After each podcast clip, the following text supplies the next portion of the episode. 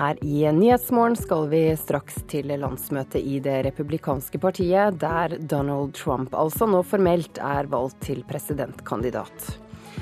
Det skal også handle om eh, arbeidslivet. En handelsavtale der fisk blir byttet mot IT-arbeidere, og ansatte som må betale for uniformen de har på seg i arbeidstiden. Vi skal straks spørre en forsker om norsk arbeidsliv har blitt mer brutalt. Nyhetsmorgen speiler nyhetsdagen din. Programleder Ida Creed.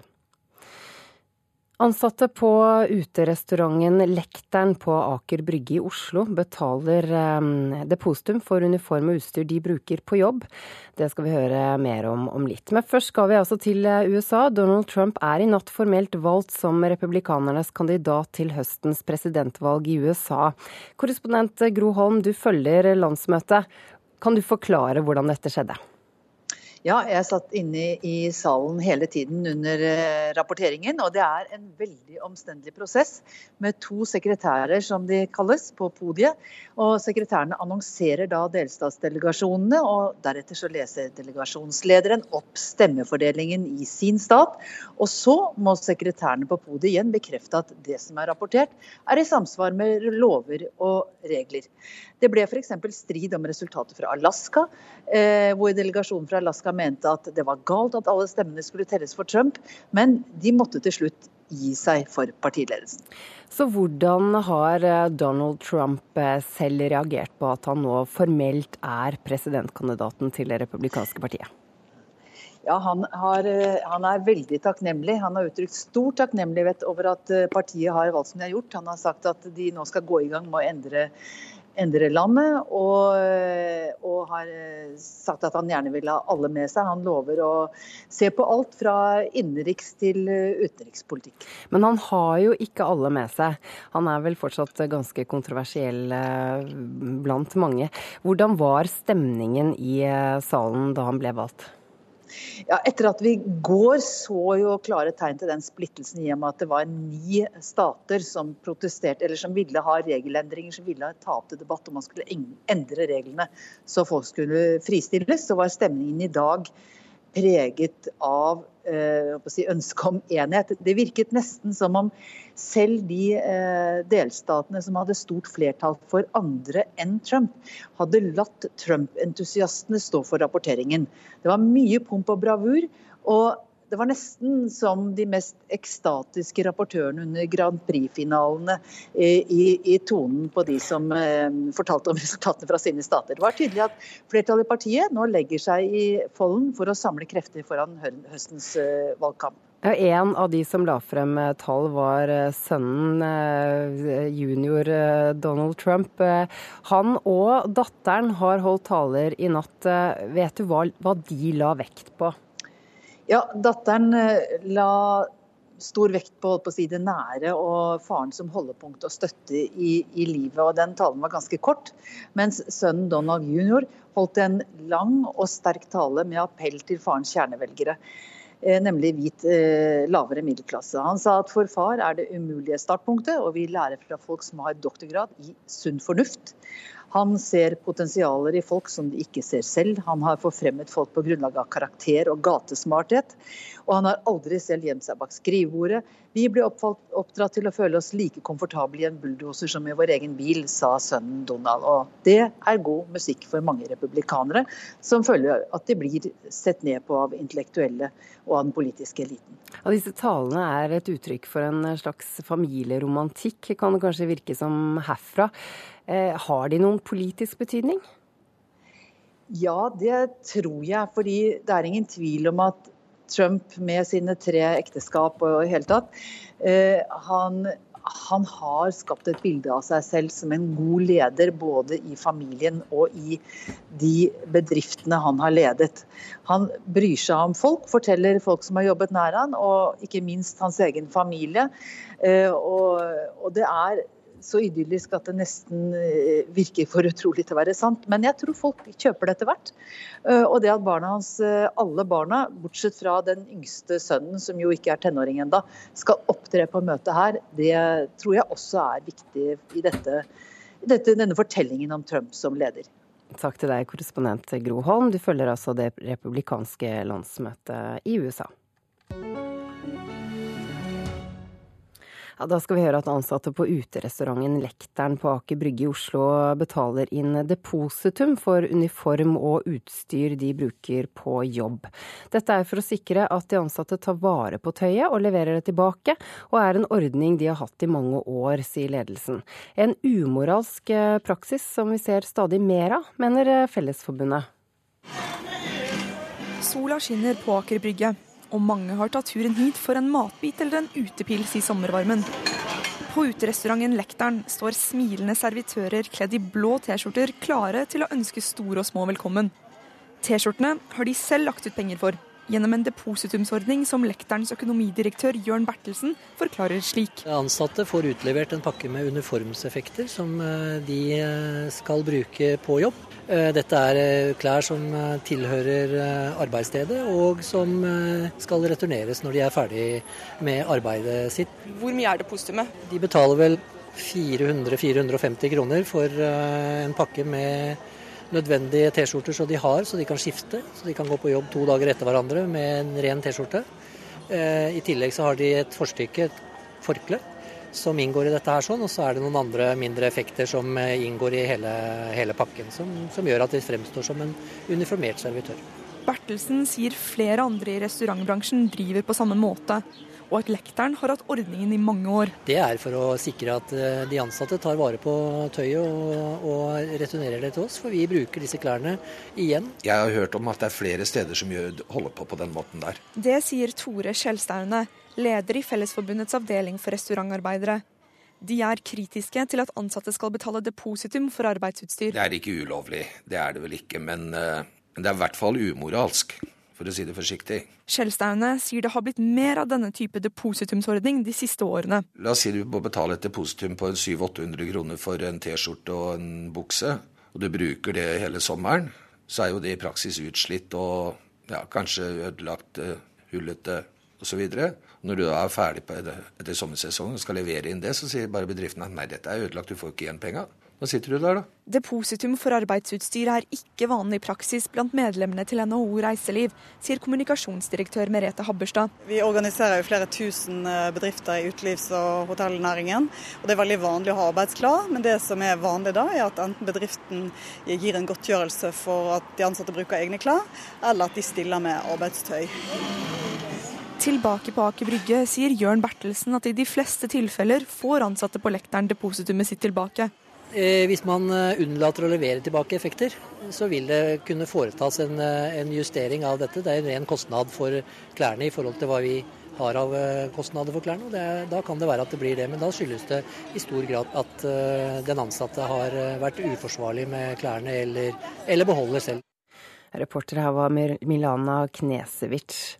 Forsker ved Arbeidsforskningsinstituttet ved Høgskolen i Oslo og Akershus, Eivind Falkum, velkommen hit til Nyhetsmorgen. Ja, takk skal du ha. Dette er jo bare ett eksempel, men hva syns du om at ansatte må betale depositum for arbeidsklærne som de da må bruke i arbeidstiden? Nei, Dette er jo som det ble sagt her, eh, ganske uvanlig. Hvis Jeg tenker tilbake, jeg har jo selv vært i jobber hvor, eh, som det også ble sagt her, hvor du får betalt for å holde arbeidsklærne i orden. Uh, som bussjåfør, f.eks. Mm. Hvor du fikk et, uh, hva vi kalte et uniformstillegg på lønna for å vaske skjorta, gi en uh, rens på, på uniformen osv. Altså, det er sikkert ikke, jeg er ikke sikker på om dette er lovstridig, men i de fleste tariffavtaler så, så skal jo arbeidsgiver holde arbeidstøy og det utstyret du trenger for å gjøre jobben. Og det man i hvert fall kan si om dette, er at det er ikke særlig raust. og, og jeg tenker at dette er bare én av veldig mange flere måter som eh, arbeidsgiverne egentlig prøver å velte ansvaret over på arbeidstakerne på. Hvilke andre måter tenker du på da? Ja, det er jo eh, Ta f.eks. Uh, endringen av arbeidsmiljøloven i, i, i, fjor. Som åpnet for at arbeidsgiverne kunne ansette folk midlertidig uten særlig begrunnelse og på et generelt grunnlag.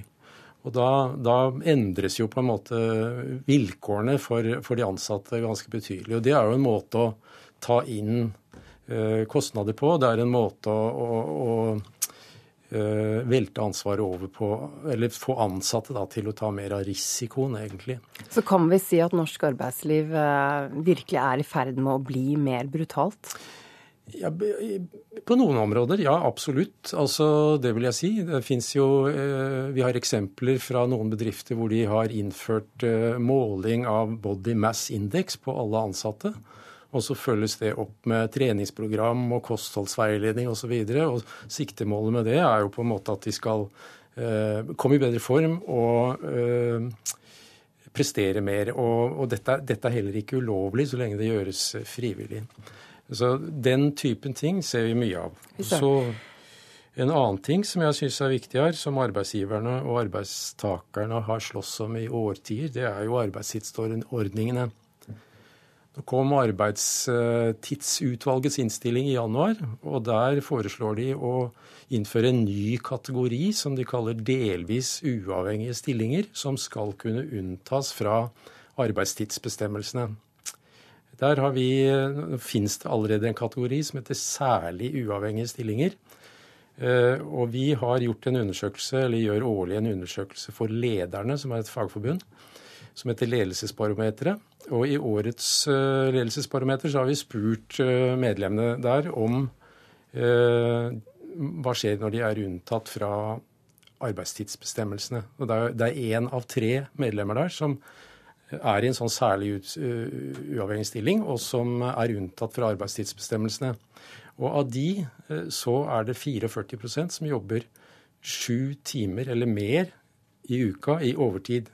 Mm. Og hvis du, ja, hvis du, hvis du, da tenker deg, jeg har bare lyst til å ta det poenget, altså hvis du da tenker deg at uh, 1000 stykker jobber 45 timers uke istedenfor 37,5 timers uke, mm. så tilsvarer den samla overtida på de 1000 menneskene 175 årsverk. Og da skjønner du hvorfor eh, arbeidsgiverne mm. går for dette. Takk for at du kom hit til Nyhetsmorgen, eh, forsker ved Arbeidsforskningsinstituttet, Eivind Falkum. Å selge norsk laks og sild i bytte mot eh, flere indiske IT-arbeidere til Norge, det er noen av punktene i forhandlinger om ny handelsavtale mellom Norge og India. Regjeringen eh, utelukker ikke at India kan få gjennomslag for krav på vegne av eh, sin IT-næring. President Pranab Mukherjee began his visit to Norway and Finland. President's visit is aimed at boosting India's relations with Scandinavian countries. Of course, there's a scope for deepening those relations, for making them even better.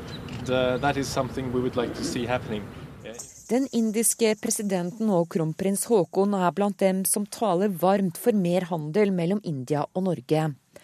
Nå er en ny handelsavtale rett rundt hjørnet, sier næringsminister Monica Mæland fra Høyre. Eh, og det er helt klart at eh, For våre bedrifter som eksporterer innenfor ulike områder, så er dette viktig at vi får på plass. En befolkning på 1,2 milliarder gjør at sjømatindustrien er ivrige på en India-avtale med lavere tollsatser. De ønsker at sild og laks finner veien til indiske matfat. Til gjengjeld ønsker India enda bedre tilgang for sin IT-industri, som er landets viktigste eksportvare. Forhandlinga handler om å gi og ta, eh, og det må selvfølgelig vi òg være innstilt eh, på. Inderne har krav om lettere tilgang for indiske IT-arbeidere til Norge. De ønsker også økt tilgang for andre næringer innen service- og tjenestenæringen. Når det gjelder tjenestesiden av avtalene, så er ikke de ferdigforhandlet, så jeg kan ikke kommentere detaljene i det. Hvordan er det du som næringsminister ser på det, at indiske IT-arbeidere bl.a. skal få lettere tilgang til Norge? Vi må eh, vurdere hva eh, som er et godt resultat for oss, eh, og inderne må selvfølgelig gjøre det samme på sin side det er på høy tid at vi kommer i havn. Rina Sunder, leder i Innovation Forum Norway, som har globalisering på sin dagsorden, mener Norge bør ønske flere indiske IT-arbeidere velkomne. Verden er mer og mer global, så jeg tror ikke man skal være så redd for at f.eks. at inderne kommer her og skal overta jobber. I sommer har NRK omtalt flere tilfeller av mistanke om sosial dumping for indiske IT-arbeidere i Norge. Rina Sunder mener vi må akseptere at det er visse forskjeller. Kanskje det er på tide at vi i Norge også eh, er åpne for å akseptere at eh, det må være noen forskjeller der, rett og slett. Da. Vi kan liksom ikke med en gang løfte de opp på vårt nivå heller. Eh, et annet krav i disse handels, eh, samtaler om ny handelsavtale har vært at det skal være enklere å flytte eh, sånn personsensitive opplysninger ut av Norge, EU, til India. Er dette et krav du mener det er viktig at Norge går med på i en ny handelsavtale? Mm, skal være forsiktig med å uttale meg bastant. Men hvis vi ser på helsesektoren, da, hvor jeg tror at det er eh, mange muligheter altså jeg tenker Beste for Norge og India tror at mot tiden er veldig moden for å skape vinn-vinn. Vi har noen absolutte skanker for dette, og det har vi gjort kjent i forhandlingene. Og så handler jo eh, forhandlinger om å gi og, og ta. Men hvor går den skranken til næringsministeren? Nei, det er sånn at Jeg kan selvfølgelig ikke gå inn og fortelle om eh, detaljer i forhandlingene. Rina Sunder presiserer at Norge selvsagt må tilby konkurransedyktige lønninger til indere for å tiltrekke oss de aller beste. Reporter Line Tomter. Det er Nyhetsmorgen du hører på. Dette er hovedsaker nå. Det er altså klart Donald Trump er republikanernes presidentkandidat. Som du akkurat hørte, Indias IT-industri krever bedre tilgang for IT-arbeiderne til Norge i bytte mot sild og laks.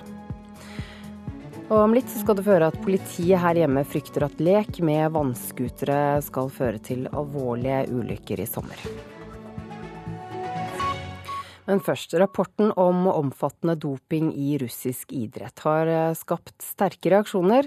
Den internasjonale olympiske komité meldte i går kveld at de skal se på det juridiske for å finne ut hva slags straff de kan gi de russiske utøverne.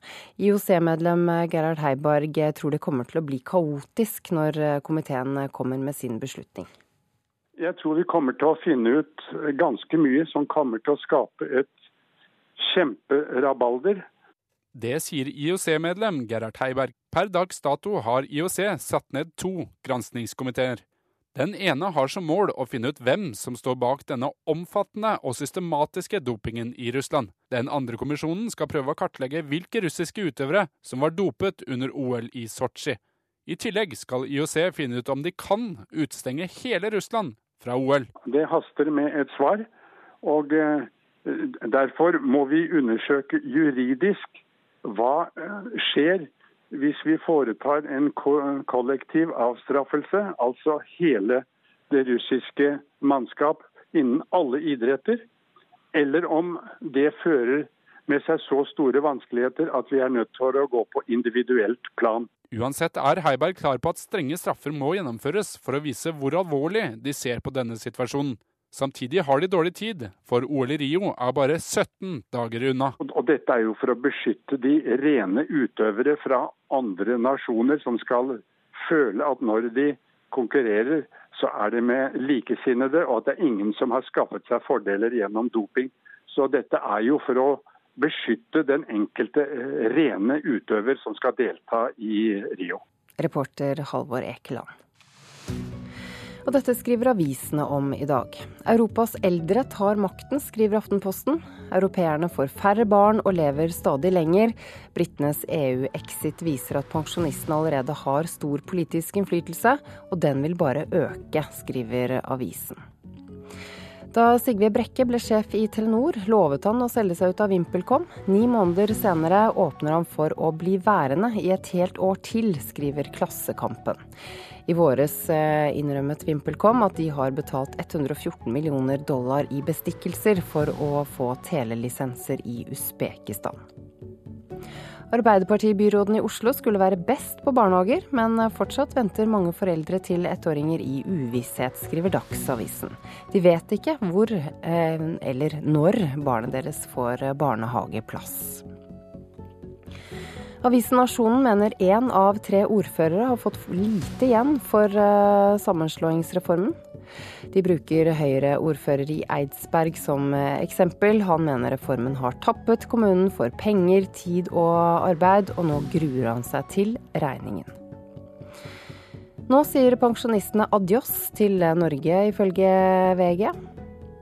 Avisen skriver at én av to vil bli gammel i utlandet. De har møtt et ektepar som har valgt seg Spania.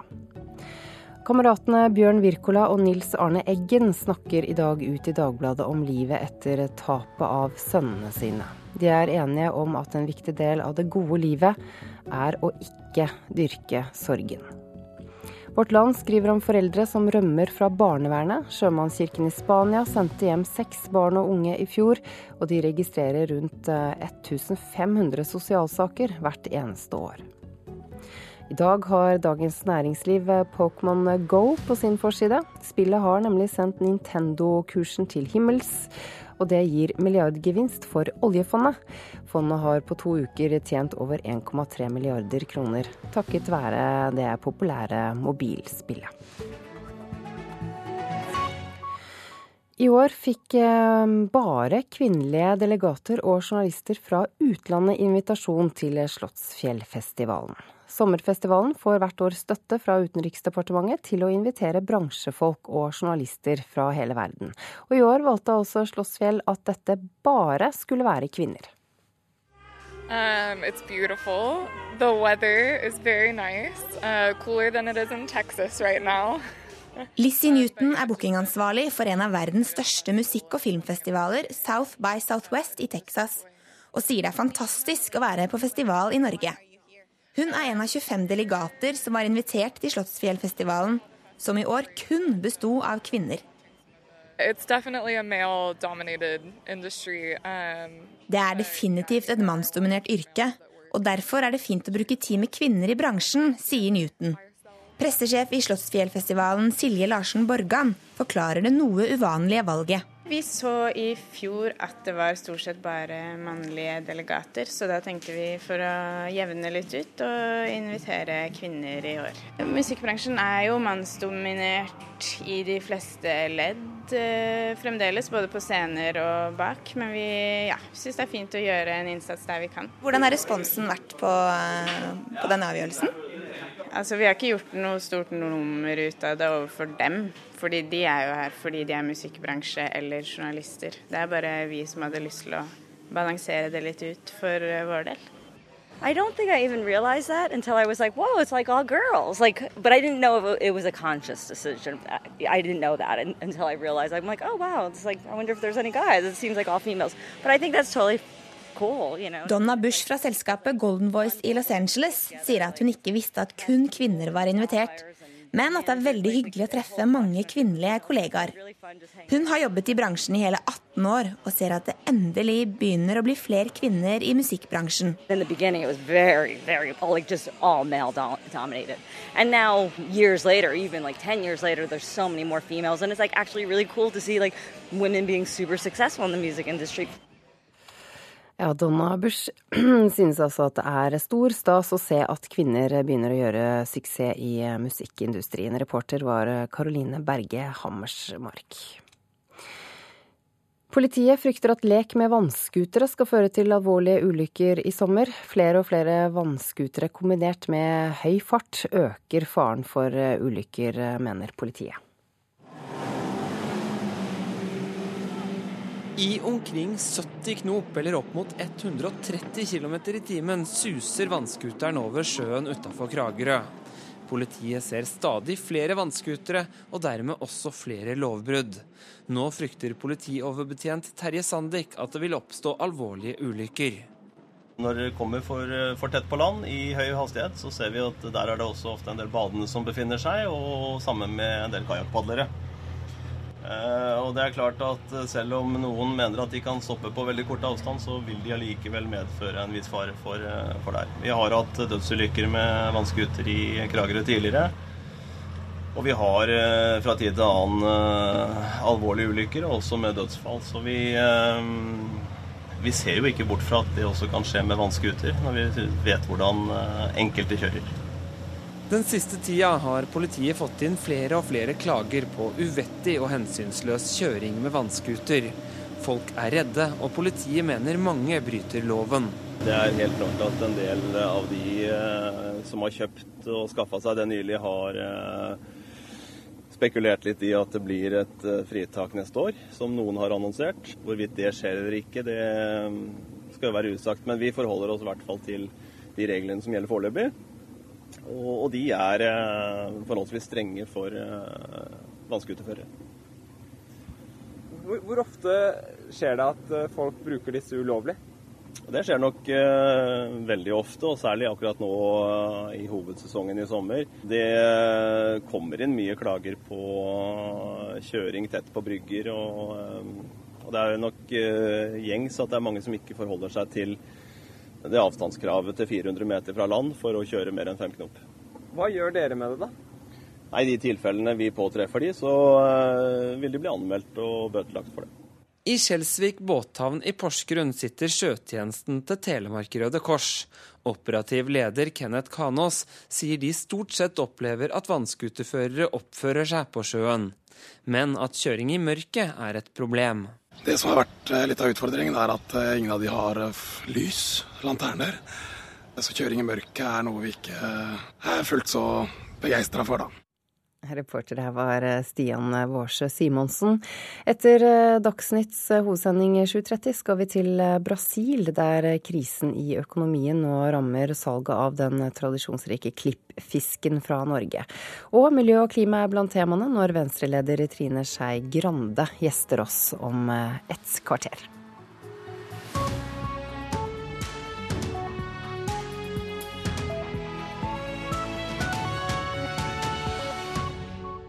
NRK P2. Nå er det offisielt. Donald Trump er republikanernes presidentkandidat i USA. It was one of the great honors of my life to be able to put him over the top in the delegate count earlier today. India krever at flere indere får jobbe i norsk IT-bransje. Og Norge kan få ekstra OL-plass om Russland utestenges. Her er NRK Dagsnytt klokka 7.30. Donald Trump er nå formelt republikanernes presidentkandidat. Opptellingen på partikongressen i Cleveland ga Trump langt flere stemmer enn han trengte, og det var sønnen Donald jr. som leste opp tallet som brakte faren over terskelen. To be able to throw Donald Trump over the top in the delegate count tonight with 89 delegates. Det var resultatet fra Trumps hjemstat New York som tippet ham over terskelen.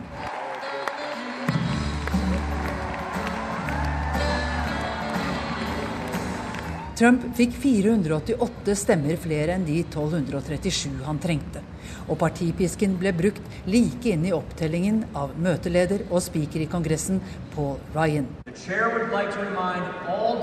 Ordstyreren vil minne alle delegater om at de må stemme i tråd med delstatslovene og partiets regler, sa Ryan. Altså ingen anledning til å følge sin samvittighet og stemme annerledes enn resultatet i primærvalget tilsa. Etter valget appellerte Ryan til samling. Hva sier du til at vi må samle dette partiet i dette viktige øyeblikket hvor samling betyr alt, sa Ryan. Han har ikke bare presidentvalget i november i tankene. Mange seter i Kongressens to kamre står også på spill. Særlig er han engstelig for at flertallet i Senatet kan glippe. Men det er ikke så enkelt å få et splittet parti til å gå i takt. Kongressrepresentant Steve King fra Iowa sa til NRK at han ennå ikke har bestemt seg for om han vil stemme på Trump i november. Jeg har sagt til Trump at jeg ville stemt for ham om det var valg i dag, men jeg vil ha et klarere svar fra ham på hvordan han skal bekjempe IS, sier Steve King. Det var Gro Holm som var reporter på republikanernes landsmøte. India krever at flere indiske IT-arbeidere får jobbe i Norge i bytte mot å kjøpe norsk laks og sild. Det er noen av punktene i forhandlinger om ny handelsavtale mellom Norge og India. Regjeringen utelukker ikke at India kan få gjennomslag for krav på vegne av sin IT-næring. President Pranab Mukherjee began his visit to Norway and Finland. President's visit is aimed at boosting India's relations with Scandinavian countries. Of course, there's a scope for deepening those relations, for making them even better. Uh, that is something we would like to see happening. Den indiske presidenten og kronprins Haakon er blant dem som taler varmt for mer handel mellom India og Norge. Nå er en ny handelsavtale rett rundt hjørnet, sier næringsminister Monica Mæland fra Høyre. Eh, og det er helt klart at eh, For våre bedrifter som eksporterer innenfor ulike områder, så er dette viktig at vi får på plass. En befolkning på 1,2 milliarder gjør at sjømatindustrien er ivrige på en India-avtale med lavere tollsatser. De ønsker at sild og laks finner veien til indiske matfat. Energisektoren tripper også etter bedre tilgang til indiske markeder. Til gjengjeld ønsker India enda bedre tilgang for sin IT-industri, som er landets viktigste eksportvare. Forhandlinger handler om å gi og ta, eh, og det må selvfølgelig vi òg være innstilt eh, på. Inderne har krav om lettere tilgang for indiske IT-arbeidere til Norge. De ønsker også økt tilgang for andre næringer innen service- og tjenestenæringen. Rina Sunder, leder i Innovation Forum Norway, som har globalisering på sin dagsorden, mener Norge bør ønske flere indiske IT-arbeidere velkomne. Verden er mer og mer global, så jeg tror ikke man skal være så redd for at f.eks. at inderne kommer her og skal overta jobber. Reporter her Line Tomter. En av lederne bak kuppforsøket i Tyrkia er pågrepet, ifølge det statlige tyrkiske nyhetsbyrået Anadolu. Muharrem Kose var tidligere juridisk rådgiver for generalstaben i det tyrkiske forsvaret, og skal ha blitt arrestert i går. Allerede i timene etter at kuppforsøket ble slått ned natt til lørdag, ble Muharrem Kose utpekt som en av hovedmennene bak planen om å styrte president Tayyip Erdogan. Kosse var tidligere juridisk rådgiver for generalstaben og oberst. Han ble fjernet fra stillingen i mars pga. uakseptabel oppførsel, men ikke sparket ut av militæret, sier høytstående tjenestemenn i Ankara til Reuters. Kåse ble arrestert i går, mens en av de andre påståtte kupplederne, den tidligere sjefen for Luftforsvaret, Akin Østturk, ble pågrepet og vist fram på TV på søndag. Også Moharem Kose blir beskyldt for å være en tilhenger av den religiøse lederen Fetullah Gulen, som bor i selvpålagt eksil i USA. Tyrkia mener at Gulen står bak det mislykkede kuppforsøket, og krever at amerikanerne utleverer ham. Det er ikke klart om det har kommet en formell begjæring om utlevering. Gulen nekter å ha noe med kuppforsøket å gjøre. Det sa reporter Wenche Eriksen. Og nettstedet Wikileaks er stengt i Tyrkia etter at de i går kveld publiserte nesten 300 000 e-poster fra presidentens parti. Varslerorganisasjonen skriver selv på Twitter at nettsida er blokkert. Det er ikke klart hva som står i e-postene, men ifølge Wikileaks vil avsløringene nå helt inn i kjernen av den politiske strukturen i Tyrkia. Ansatte på uterestauranten Lekteren på Aker Brygge i Oslo betaler inn depositum for uniform og utstyr de bruker på jobb. Dette er for å sikre at ansatte tar vare på tøyet og leverer det tilbake, og er en ordning de har hatt i mange år, sier ledelsen. En umoralsk praksis som vi ser stadig mer av, mener Fellesforbundet. På uterestauranten Lekteren står smilende servitører kledd i blå T-skjorter klare til å ønske store og små velkommen. T-skjortene har de selv lagt ut penger for gjennom en depositumsordning som lekterens økonomidirektør Jørn Bertelsen forklarer slik. Ansatte får utlevert en pakke med uniformseffekter som eh, de eh, skal bruke på jobb. Dette er eh, klær som tilhører arbeidsstedet og som skal returneres når de er ferdig med arbeidet sitt. Hvor mye er depositumet? De betaler vel 400-450 kroner for en pakke med nødvendige T-skjorter så de har, så de kan skifte. Så de kan gå på jobb to dager etter hverandre med en ren T-skjorte. I tillegg så har de et forstykke, et forkle, som inngår i dette her sånn, og så er det noen andre mindre effekter som eh, inngår i hele, hele, pakken. Jeg har hørt om at det er flere steder som holder på på den måten der. Det sier Tore Skjelstaune, leder i Fellesforbundets avdeling for restaurantarbeidere. De er kritiske til at ansatte skal betale depositum for arbeidsutstyr. Det er ikke ulovlig, det er det vel ikke, eh, men det er i hvert fall umoralsk. For å si det forsiktig. Depositum for arbeidsutstyr er ikke vanlig praksis blant medlemmene til NHO Reiseliv, sier kommunikasjonsdirektør Merete Habberstad. Det er veldig vanlig å ha arbeidsklær, men det som er vanlig da, er at enten bedriften gir en godtgjørelse for at de ansatte bruker egne klær, eller at de stiller med arbeidstøy. Tilbake på Aker Brygge sier Jørn Bertelsen at i de fleste tilfeller får ansatte på lekteren depositumet sitt tilbake. Hvis man eh, unnlater å levere tilbake effekter, så vil det kunne foretas en, eh, en justering av dette. Reporter Milana Knesevic. Om alle russiske utøvere utestenges, kan det deles ut nye OL-plasser til Rio. Den internasjonale olympiske komité vurderer nå hva slags straff det russiske idrettsforbundet skal få etter avsløringer om doping. Dersom det ender med utestengelse av russerne, kan vi bl.a. få en nordmann ekstra i 98-kilosklassen i bryting. Hvis eh, det viser seg at Russland ikke får delta, så har vi én plass i 98 kilo. Eh, til nasjonen Norge. Det er klart, eh, Blir det en utestengelse og det blir en plass ledig, så, så tar vi jo den.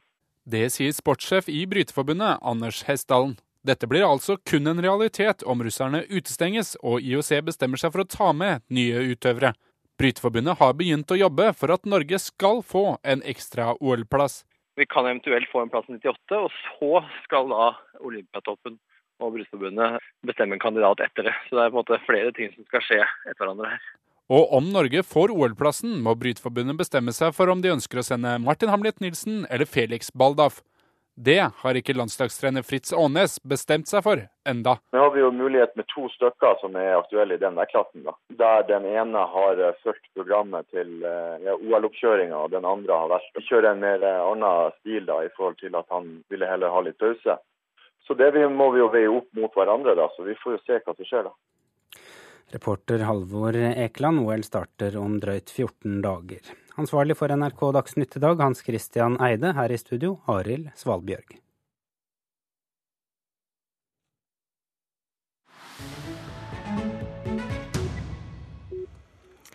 Det har vært en eventyrlig oppsving av turister til Saltstraumen. Hvorfor får du høre her i Nyhetsmorgen om litt. Men først så skal vi til Brasil, der krisen i økonomien nå rammer salget av den tradisjonsrike norske klippfisken. Men det er også andre grunner til at vår eldste eksportnæring er i vanskeligheter i det viktigste brasilianske markedet. Men og norske eksportører utvikler nå nye produkter for å ta igjen det tapte.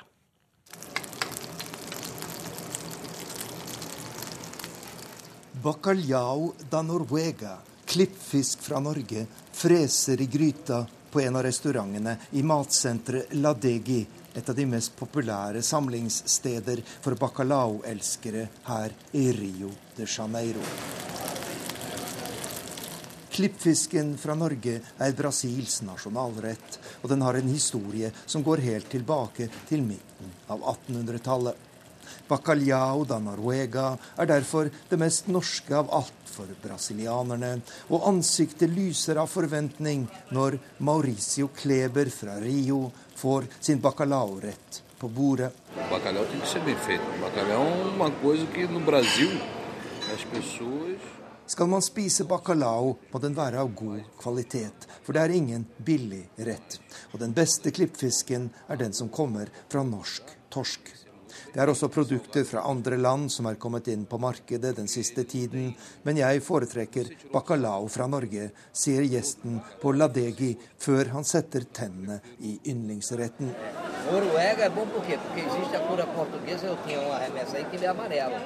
Men selv om den norske klippfisken fortsatt har millioner av trofaste venner her i Brasil, så er kampen om kundene blitt hardere de siste årene. Den økonomiske krisa har ført til at brasilianske forbrukere har mindre å rutte med, og tallenes tale er klar, sier norsk-portugisiske Vasco Tørresen Duarte, som er det norske sjømatrådets utsending her i Brasil. Hittil i år så um, har Norge eksportert 6500 tonn klippfisk til en verdi av 283 millioner kroner. Det er en nedgang på 25% i volum og 31 i, i verdi sammenlignet med samme periode i fjor.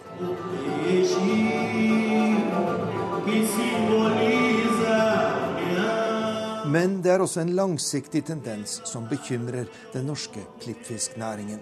For ti år siden hadde norsk klippfisk 80-90% av markedet her i Brasil. I dag er andelen nede i rundt 50% etter at portugisisk og kinesisk klippfisk har tatt det meste av den veksten som har vært de siste årene. Jonny Håberg i klippfiskfirmaet Brødrene Sperre forklarer. Det brasilianske klippfiskmarkedet endrer seg. Og man går fra mer klassiske produkter, som er hel klippfisk som kommer rett fra Norge, til mer gryteklare produkter. Altså Forbrukerne har lyst til å ha eh, mer produkter som er lettere å tilberede, tar kortere tid. Det er særlig yngre brasilianere som velger de nye produktene. Ferdig kuttet og utvannet klippfisk som gjør at man kan lage seg en middag på 20 minutter i stedet for å bruke et par døgn på å vanne ut den tradisjonelle klippfisken fra Norge. Dette er nok en trend som er kommet for å bli, sier signor Volney, som driver en restaurant og en fiskebutikk i Ladegi-senteret. Mer bruk av ferdig utvannet klippfisk er tendensen i markedet nå.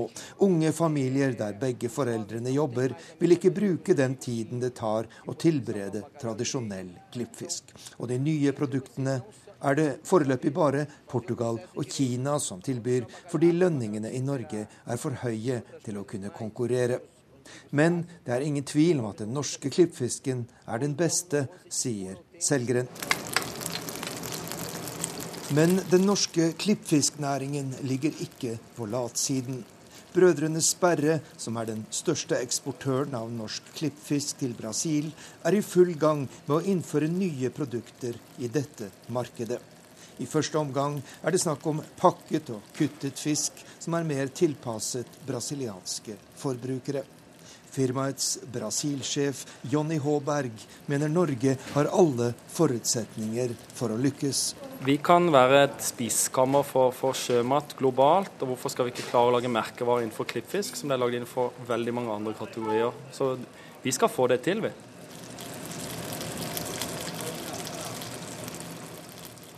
Reporter Arnt Stefansen.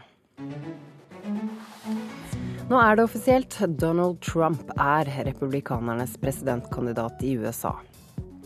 India krever at flere indere får jobbe i norsk IT-bransje. Og Norge kan få ekstra OL-plass dersom Russland utestenges. Dette er hovedsakene denne morgenen. Nå skal vi til Sørlandet. God morgen, leder i Venstre Trine Skei Grande. God morgen. Du er i Arendal for å besøke Unge Venstres sommerleir i dag. Var du på sommerleir som ung, eller? Ja, jeg har vært på Tromøya hvert eh, eneste år, tror jeg, en eller annen gang siden slutten på 80-tallet. Så eh, nå sover jeg på hotell og syns det er veldig fint. Men, men, jeg har tilbrakt eh, mange, mange netter i både regn og solskinn på Tromøya. Hva skal du si til ungdommen eh, din i dag? Jeg har lyst til å snakke med dem om både hvorfor liberalismen er så viktig nå, med det vi ser i Europa, der nasjonalistiske krefter vokser fram, og der rasismen vokser, og alle de utfordringene som vi nå eh, møter internasjonalt. Det er sikkert litt prega av å ha vært på ferie sjøl på Balkan og sett eh, hvilke utfordringer som vi, vi står overfor i Europa. Og så har jeg lyst til å snakke om, dem, om eh, de viktige miljøkravene som kommer i EU i dag, som mm. Eh, jeg tror vi er godt rusta i Norge for å begynne å, å jobbe med. Og så skal jeg selvsagt snakke om skole og utdanning, som jo er både en liberal kjernesak, men også er mitt hjerte nært. Ja, I dag kommer altså EU-kommisjonen med forslag til hvordan byrdene i klimapolitikken skal fordeles mellom landene. Norge er jo ikke med i EU, men vi skal være en del av EUs klimapolitikk. Og Norge kommer til å få et utslippsmål på 40% innen 2030 eh, innen landbruk og transport og bygg. Hva mener du at det betyr for oss? Det kommer til å bety at vi må gjøre store endringer. Nå behandla vi energimeldinga like før som, eh, for sommerferien, og da fatta vi alle de viktige, store vedtakene. Så nå har vi fått til det taktskiftet vi trenger eh, innenfor klima- og miljøpolitikken. Men det er mange ting som må gjøres eh, framover. Og annet må vi lage et nytt skatte- og avgiftssystem i Norge som eh, gjør at det blir billigere å velge de grønne løsningene og dyrere å forurense. Eh, og som gjør at vi skaper markeder for grønne gode løsninger. Det som vi snakker ofte som det grønne skiftet. Mm. Og Det betyr at vi må gjøre om bilparken vår, vi må bygge om den maritime næringa vår til å slippe ut mye mindre. Og så har vi store utfordringer også innenfor landbruket. og Det tror jeg kanskje ingen av oss har helt alle de gode løsningene på plass før vi er i mål. Nei, det er vel ikke alt som er på plass, eh, for å eh, si det mildt. Dette systemet fungerer vel sånn at vi kan velge ikke å gjøre så mye hjemme, men kjøpe utslippskvoter fra andre land.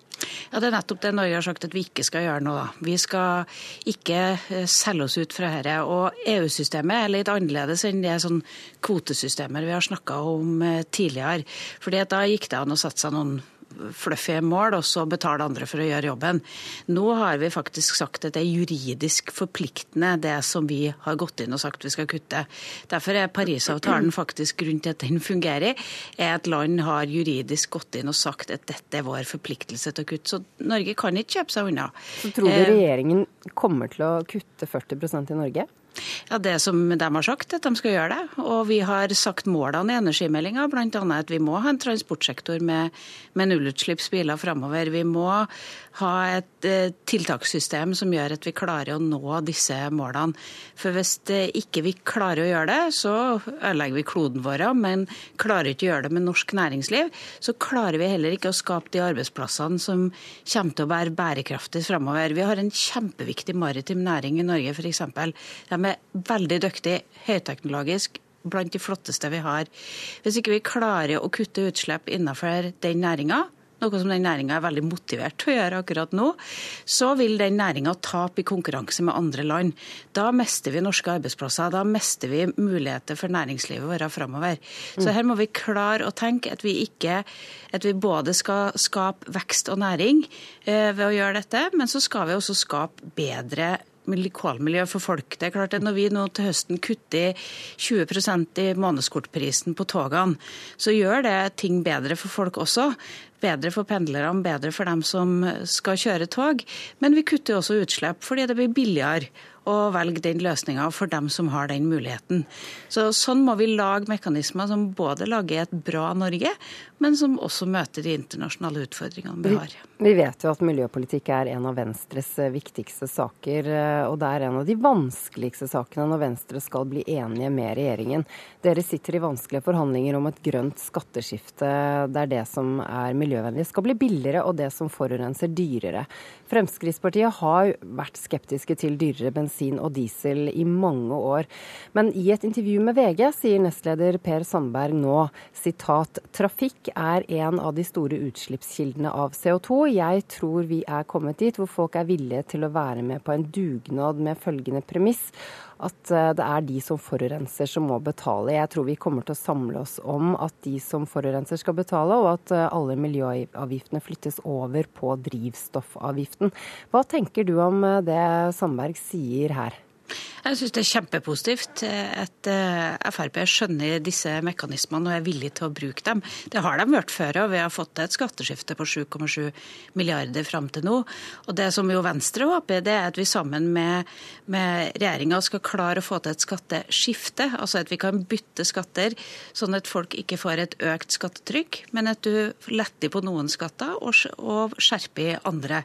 Det, det er ganske positivt til at vi faktisk må klare, både for miljøet sin side, men også fordi at jeg har sett at uh, vårt samarbeid har vært villig til å bære ganske uh, ja, belastende avgifter, bare fordi at det er viktig for, for, miljøet og viktig for å skape de nye markedene framover. Så hva syns du om å samle miljøavgifter i én drivstoffavgift?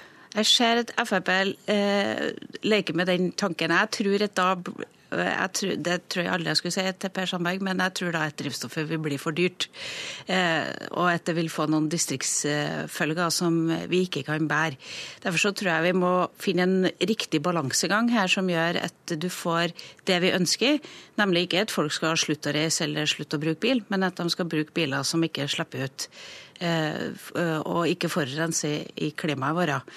Så jeg tror at vi må finne en litt annen balansegang, men prinsippet til pair er riktig, men vi må også se på hvilken praktisk politikk det får for folk i hverdagen. Jeg syns i hvert fall du høres optimistisk ut i dag, det, Trine Skei Grande. Takk for at du var med oss fra Sørlandet. Tusen takk for at jeg fikk. Det er eh, færre som ønsker å bli lærere, viser tallene fra Samordna opptak som akkurat har kommet. Også ved Norges arktiske universitet i Alta er det nedgang i antall søkere til lærerutdanningen. Og rektor Anne Husebekk mener det er grunn til bekymring. Ja, jeg eh, er eh, veldig bekymra. Jeg tror at eh, dette med gode lærere det er en forutsetning for å lykkes for alle de unge menneskene som begynner på skolen. Og vi har et stort frafall i Nord-Norge. Å være godt forberedt på videre studier, det krever gode lærere i barneskolen, ungdomsskolen og videregående skole. Rekordmange har fått tilbud om studieplass på høyere utdanning i år. Økninga er på over 15% fra i fjor, men ikke for lærerstudiet. Læreryrket har ufortjent lav status, mener Husebekk. Når man nå kjører eh, masterstudium på lærerutdanningen på alle nivåer, at det kanskje vil gi høyere status og en annen type lærere. De som begynner i høst er ferdige om fem år. Vi vet at det er eh, stor lærermangel i Nord-Norge om fem år. Og vi klarer ikke med det søkertallet vi har i år å utdanne nok lærere. Arne Leikvoll, som nå er fagleder på Vadsø barneskole, har i mange år jobba med å rekruttere til både læreryrke og lærerutdanning. Han mener yrket er tøft noe som kan virke avskrekkende. Du har elever som går gjennom skolen og ser at uh, læreryrket er tøft. Og dem er jo dem man skal rekruttere. Så hvis ikke dem får et bedre inntrykk av hva lærerutdanninga og hva læreryrket er, så tror jeg vi vil slite i langt i fremover. En plass i å starte er jo at vi alle sammen fremsnakker læreryrket og fremsnakker skolen. Så er det jo det å forbedre arbeidsforholdene. Både skoleringa, arbeidsdagen deres, tid til den planlegginga, tid til å gjøre en god jobb. Reporter Liss Jacobsen Leite.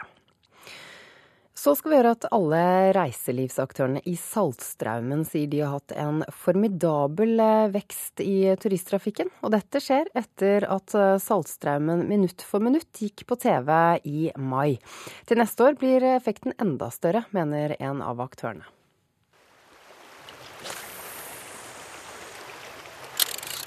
Very unique in the world, I think. And I haven't seen, seen such before. Manfred Stickert fra Tyskland står og fisker etter småseien i en av verdens sterkeste tidevannsstrømmer. In, in the, in the fjord, and, uh, uh, 7.6 sendte NRK Saltstraumen minutt for minutt. Tolv timer fra inn- og utstrøm, en hel tidevannssyklus. Vel én million var innom programmet, og nå kommer effekten, skal vi tro turiststrømmen til Saltstraumen. Egentlig så liker jeg ikke å si det her høyt, for jeg, jeg, bruker å si at det er nesten uvirkelig å ha så stor økning. Men jeg tror jeg ligger mellom 40 og 50% økning på juni måned. Egentlig litt sånn surrealistisk. Det sier daglig leder ved Saltstraumen camping, Geir Nyheim. Så det er nok ingen tvil om at Saltstraumen ut for minutt har hatt en veldig bra eh, effekt. Men absolutt alle aktørene rundt Saltstraumen, også eh, Stella Polaris som, som frakter turister i båt inn til strømmen, har hatt en formidabel eh, økning. Hva tenker du om det? Det er sånn som jeg ikke har trodd skulle være mulig. Det er rett og slett et eventyr. Jeg har ikke vært der siden i 1964, så jeg har lyst til å komme tilbake og, og se.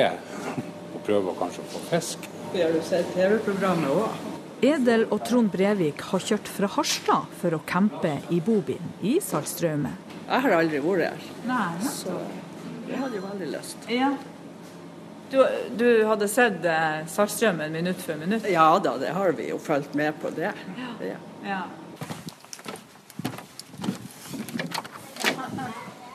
Kafé Kjelen, som ligger ved Straumen, har hatt en betydelig vekst, de også.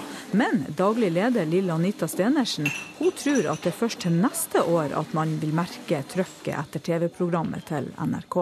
Det kanskje blir mer økning neste år, for jeg tror det programmet har litt virkning da. Ja. Hvorfor tror du det? For det var 7. mai, og de fleste i Norge de har da allerede bestemt ferien sin. Syns det var fantastisk fint her. Bare synd at det er litt tåke i dag. Ja. Eh, det var Saltstraumen minutt for minutt på TV for et en par måneder siden. Så du noe på det? Ja, det gjorde jeg. Ja. Så det er en av de årsakene til at vi stopper her i dag. Ja. Reporter her var Monica Weit Martinsen. Og her er værvarselet som gjelder for dagen. Det blir mye fint vær i Sør-Norge sør for Stad og Dovre, men østafjells blir det lokale ettermiddagsbyger. På kysten fra Sørlandet opp til svenskegrensen er det mulighet for lokal tåke.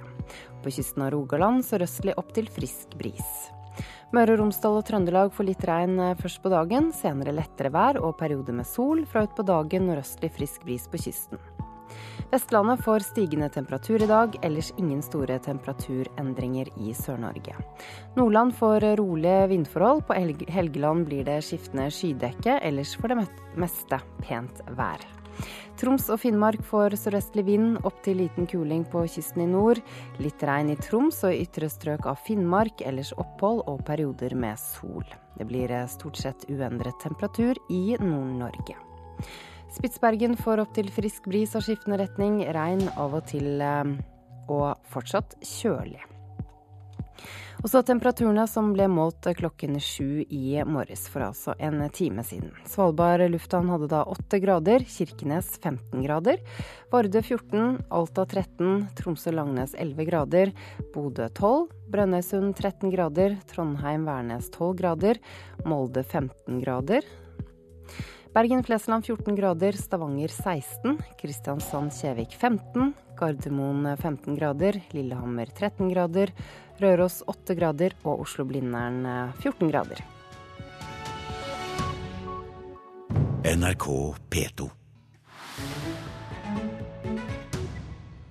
Her i Nyhetsmorgen skal vi nå til USA, der Donald Trump formelt er republikanernes presidentkandidat. Opptellingen på partikongressen i Cleveland ga Trump langt flere stemmer enn han trengte, og det var sønnen, Donald jr., som leste opp tallene som brakte faren over terskelen. Donald Trump over the top in the delegate count tonight. Det var resultatet fra Trumps hjemstat New York som tippet ham over terskelen.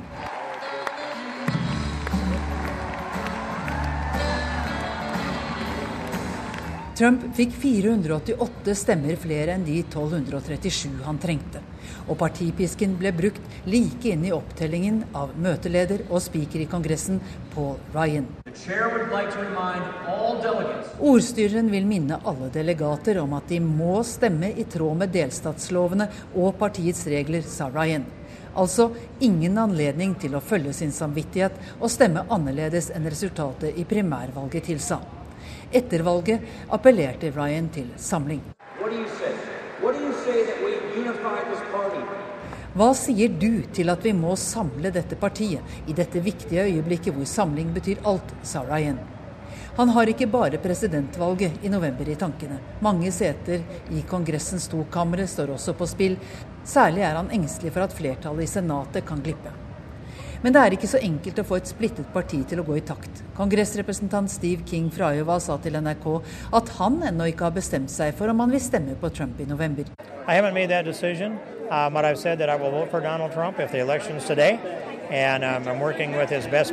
jeg har sagt til Trump at jeg ville stemt for ham om det var valg i dag, men jeg vil ha et klarere svar fra ham på hvordan han skal bekjempe IS, sier Steve King. Han mener at Trump er altfor upresis i sin oppskrift på hvordan IS skal knekkes ideologisk. Og så var det tid for nest yngste barn Trump. Studenten, modellen og sangeren Tiffany på 22 år.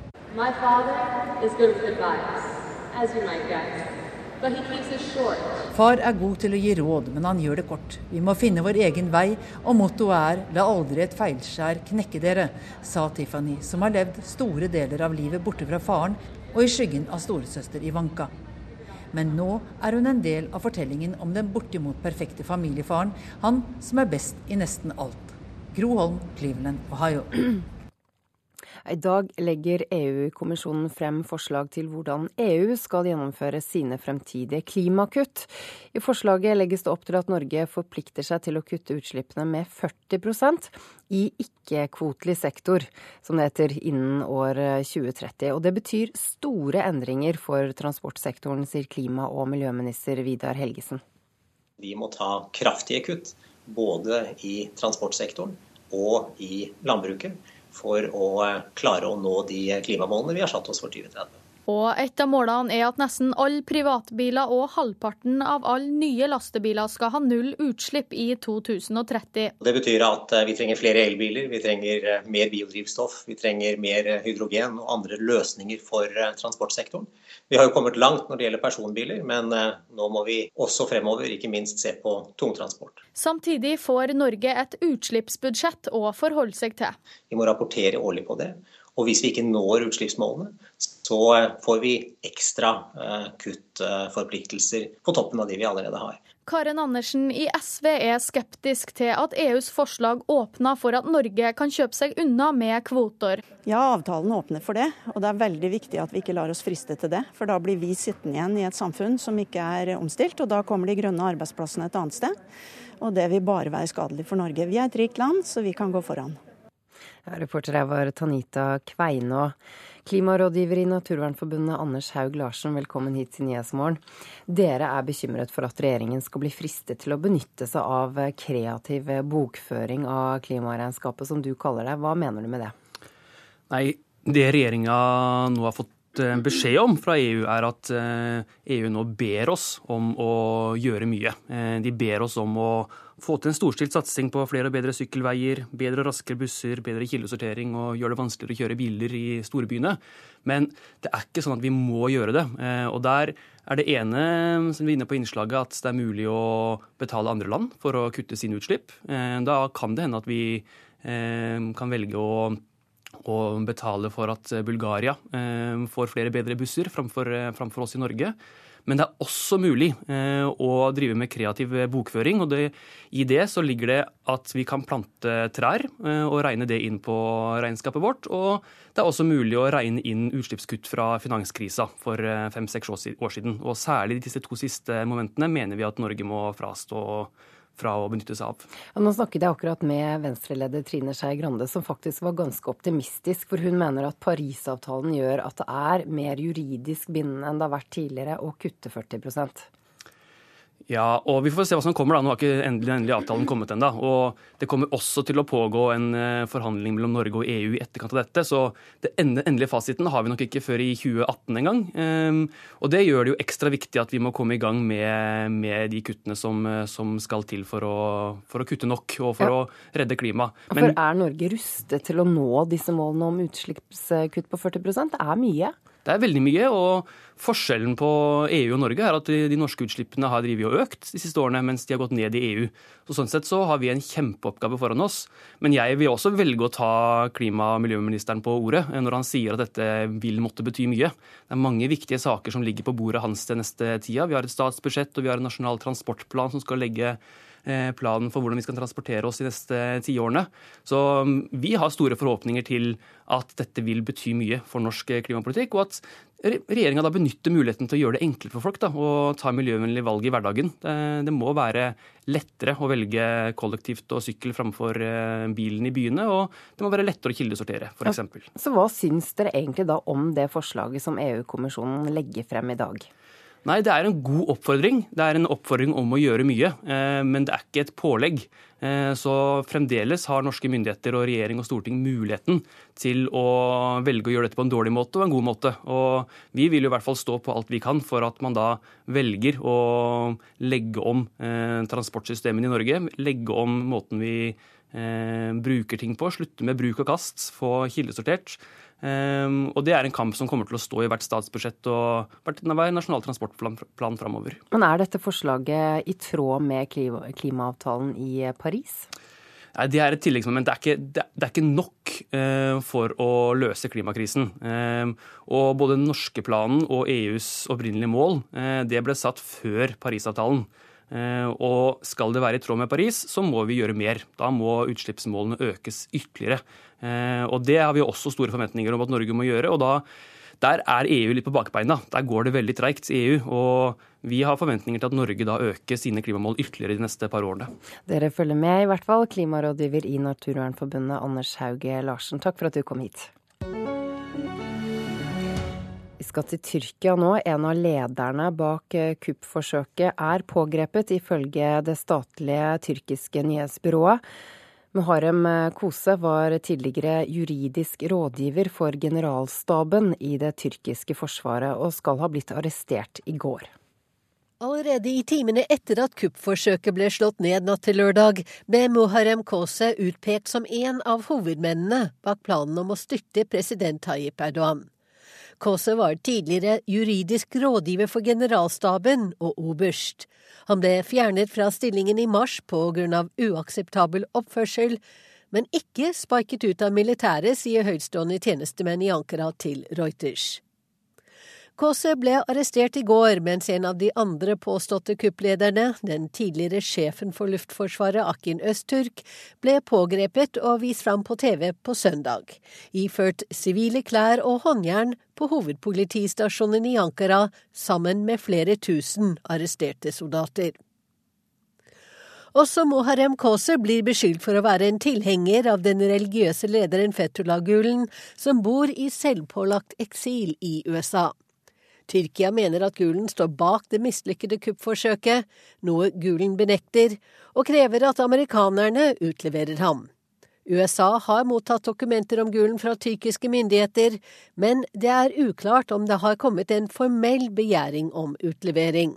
Uh, they're still reviewing the materials to determine if they do uh, qualify as a specific formal Talsmannen i Det hvite hus, Josh Ernest, sier at USA ikke støtter personer som konspirerer for å styrte demokratisk valgte regjeringer, men han legger til at den som bor i USA, har krav på rettssikkerhet, og at formelle prosedyrer må følges. As it relates to Mr. Galen's status, there is a process that is established in the extradition treaty that we will follow. There also is due process to which people who live in the United States are entitled. De siste dagene har tyrkiske myndigheter arrestert eller avskjediget rundt 45 000 mennesker i statsapparatet, Forsvaret og ved skoler og universiteter, som et svar på det mislykkede kuppforsøket natt til lørdag. Det sa utenriksmedarbeider Wenche Eriksen. Dette står på forsiden av avisene i dag. Europas eldre tar makten, skriver Aftenposten. Europeerne får færre barn og lever stadig lenger. Britenes EU-exit viser at pensjonistene allerede har stor politisk innflytelse, og den vil bare øke, skriver avisen. Da Sigve Brekke ble sjef i Telenor, lovet han å selge seg ut av VimpelCom. Ni måneder senere åpner han for å bli værende et helt år til, skriver Klassekampen i dag. I våres innrømmet eh, VimpelCom at de har betalt 114 millioner dollar i bestikkelser for å få telelisenser i Usbekistan. Arbeiderpartibyråden i Oslo skulle være best på barnehager, men fortsatt venter mange foreldre til ettåringer i uvisshet, skriver Dagsavisen. De vet ikke hvor eller når barnet deres får barnehageplass. Avisen Nasjonen mener én av tre ordførere har fått lite igjen for sammenslåingsreformen.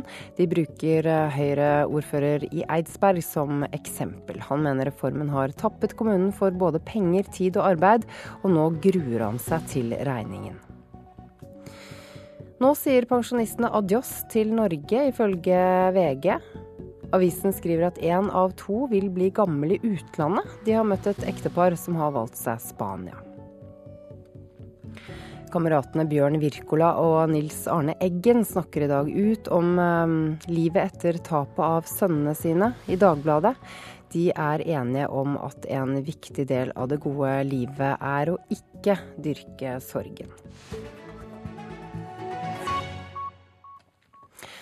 Ansatte på uterestauranten Lekteren på Aker Brygge i Oslo betaler inn depositum for uniform og utstyr de eh, bruker på jobb. Dette er for å sikre at ansatte tar vare på tøyet og leverer det tilbake igjen, og er en ordning de har hatt i mange år, sier ledelsen. En umoralsk praksis som vi ser stadig mer av, mener Fellesforbundet. På uterestauranten Lekteren står smilende servitører kledd i blå T-skjorter klare til å ønske store og små velkommen. T-skjortene har de selv lagt ut penger for. Gjennom en depositumsordning som lekterens økonomidirektør Jørn Bertelsen forklarer slik. Ansatte får utlevert en pakke med uniformseffekter som eh, de eh, skal bruke på jobb. Dette er eh, klær som tilhører arbeidsstedet, og som skal returneres når de er ferdig med arbeidet sitt.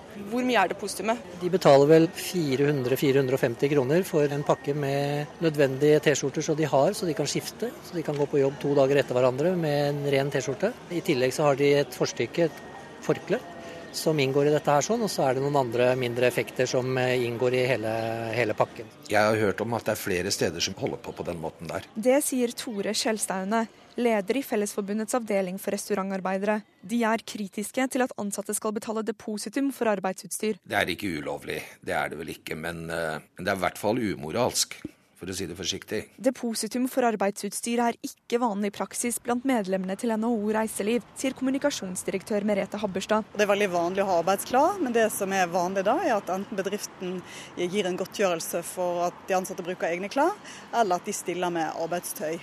Tilbake på Aker Brygge sier Jørn Bertelsen at i de fleste tilfeller får ansatte på lekteren depositumet sitt tilbake. Hvis man eh, unnlater å levere tilbake effekter, så vil det kunne foretas en, eh, en justering av dette. Reporter her var Milana Knesevic. Arbeidslivet i Norge er i ferd med å bli mer brutalt for de ansatte, sier en forsker vi har snakket med i dag. En 18-åring er tiltalt for sexovergrep i klasserommet. Og i USA er Donald Trump eh, i natt formelt valgt som republikanernes presidentkandidat. Nå skal vi gjøre at I år fikk eh, bare kvinnelige delegater og journalister fra utlandet invitasjon til Slottsfjellfestivalen. Sommerfestivalen eh, får hvert år støtte fra UD til å invitere bransjefolk og journalister fra hele verden, og i år valgte altså Slottsfjell at dette bare skulle gjelde kvinner. Et godt og interessant grep for å løfte frem kvinnene i bransjen, mener styreleder i foreningen Balansekunst. Um, it's beautiful. The weather is very nice. Uh, cooler than it is in Texas right now. Lizzie Newton er bookingansvarlig for en av verdens største musikk- og filmfestivaler, South by Southwest i Texas, og sier det er fantastisk å være på festival i Norge. Hun er en av 25 delegater som var invitert til Slottsfjellfestivalen, som i år kun besto av kvinner. Um, det er definitivt et mannsdominert yrke, og derfor er det fint å bruke tid med kvinner i bransjen, sier Newton. Pressesjef i Slottsfjellfestivalen Silje Larsen Borgan forklarer det noe uvanlige valget. Vi så i fjor at det var stort sett bare mannlige delegater, så da tenkte vi for å jevne litt ut og invitere kvinner i år. Musikkbransjen er jo mannsdominert i de fleste ledd eh, fremdeles, både på scener og bak, men vi ja, syns det er fint å gjøre en innsats der vi kan. Hvordan har responsen vært på, eh, på denne avgjørelsen? Altså, Vi har ikke gjort noe stort nummer ut av det overfor dem. fordi de er jo her fordi de er musikkbransje eller journalister. Det er bare vi som hadde lyst til å balansere det litt ut for eh, vår del. I don't think I even realized that until I was like, whoa, it's like all girls. Like, but I didn't know it was a conscious decision. I didn't know that until I realized. I'm like, oh wow, it's like I wonder if there's any guys. It seems like all females. But I think that's totally Donna Bush fra selskapet Golden Voice i Los Angeles sier at hun ikke visste at kun kvinner var invitert, men at det er veldig hyggelig å treffe mange kvinnelige kollegaer. Hun har jobbet i bransjen i hele 18 år og ser at det endelig begynner å bli flere kvinner i musikkbransjen. Very, very, like now, later, even like 10 years later, there's so many more females, and it's like actually really cool to see like women being super successful in the music industry. Reporter Karoline Berge Hammersmark. Guro Kleveland, du er tilknyttet foreningen Balansekunst, som eh, altså jobber for å jevne ut eh, kjønnsforskjellene i musikklivet. Kommer dette grepet til å ha noen effekt? Ja, det tror jeg faktisk. Eh, for det jeg tenker, som de som ble intervjua her også, delegatene, de sier jo veldig tydelig at dette er en kraftig synliggjøring og et, et veldig løft for kvinner i musikkbransjen og mediebransjen. Og jeg tenker For de som er der da, så gir jo det en kjempemulighet til å utveksle erfaringer og tanker og ideer og ønsker, kanskje. Og ikke minst muligheten til å bygge nettverk på tvers av både kultur kanskje og landegrenser. Og En effekt som jeg tenker på, det er eh, den ringvirkningen som det, som det grepet her til Slottsfjell kan, kan, ha. Nemlig at, eh, at det, det, gir eh, fullt fokus på de, de, som på en måte er underrepresenterte. Nettopp det at kvinner har vært så så eh, lavt representert på festivaler i bakgrunnen, sånn som de også sa her. Så jeg tenker det grepet kan øke bevisstheten til andre festivaler og arrangører. Mm, det kan gjøre det.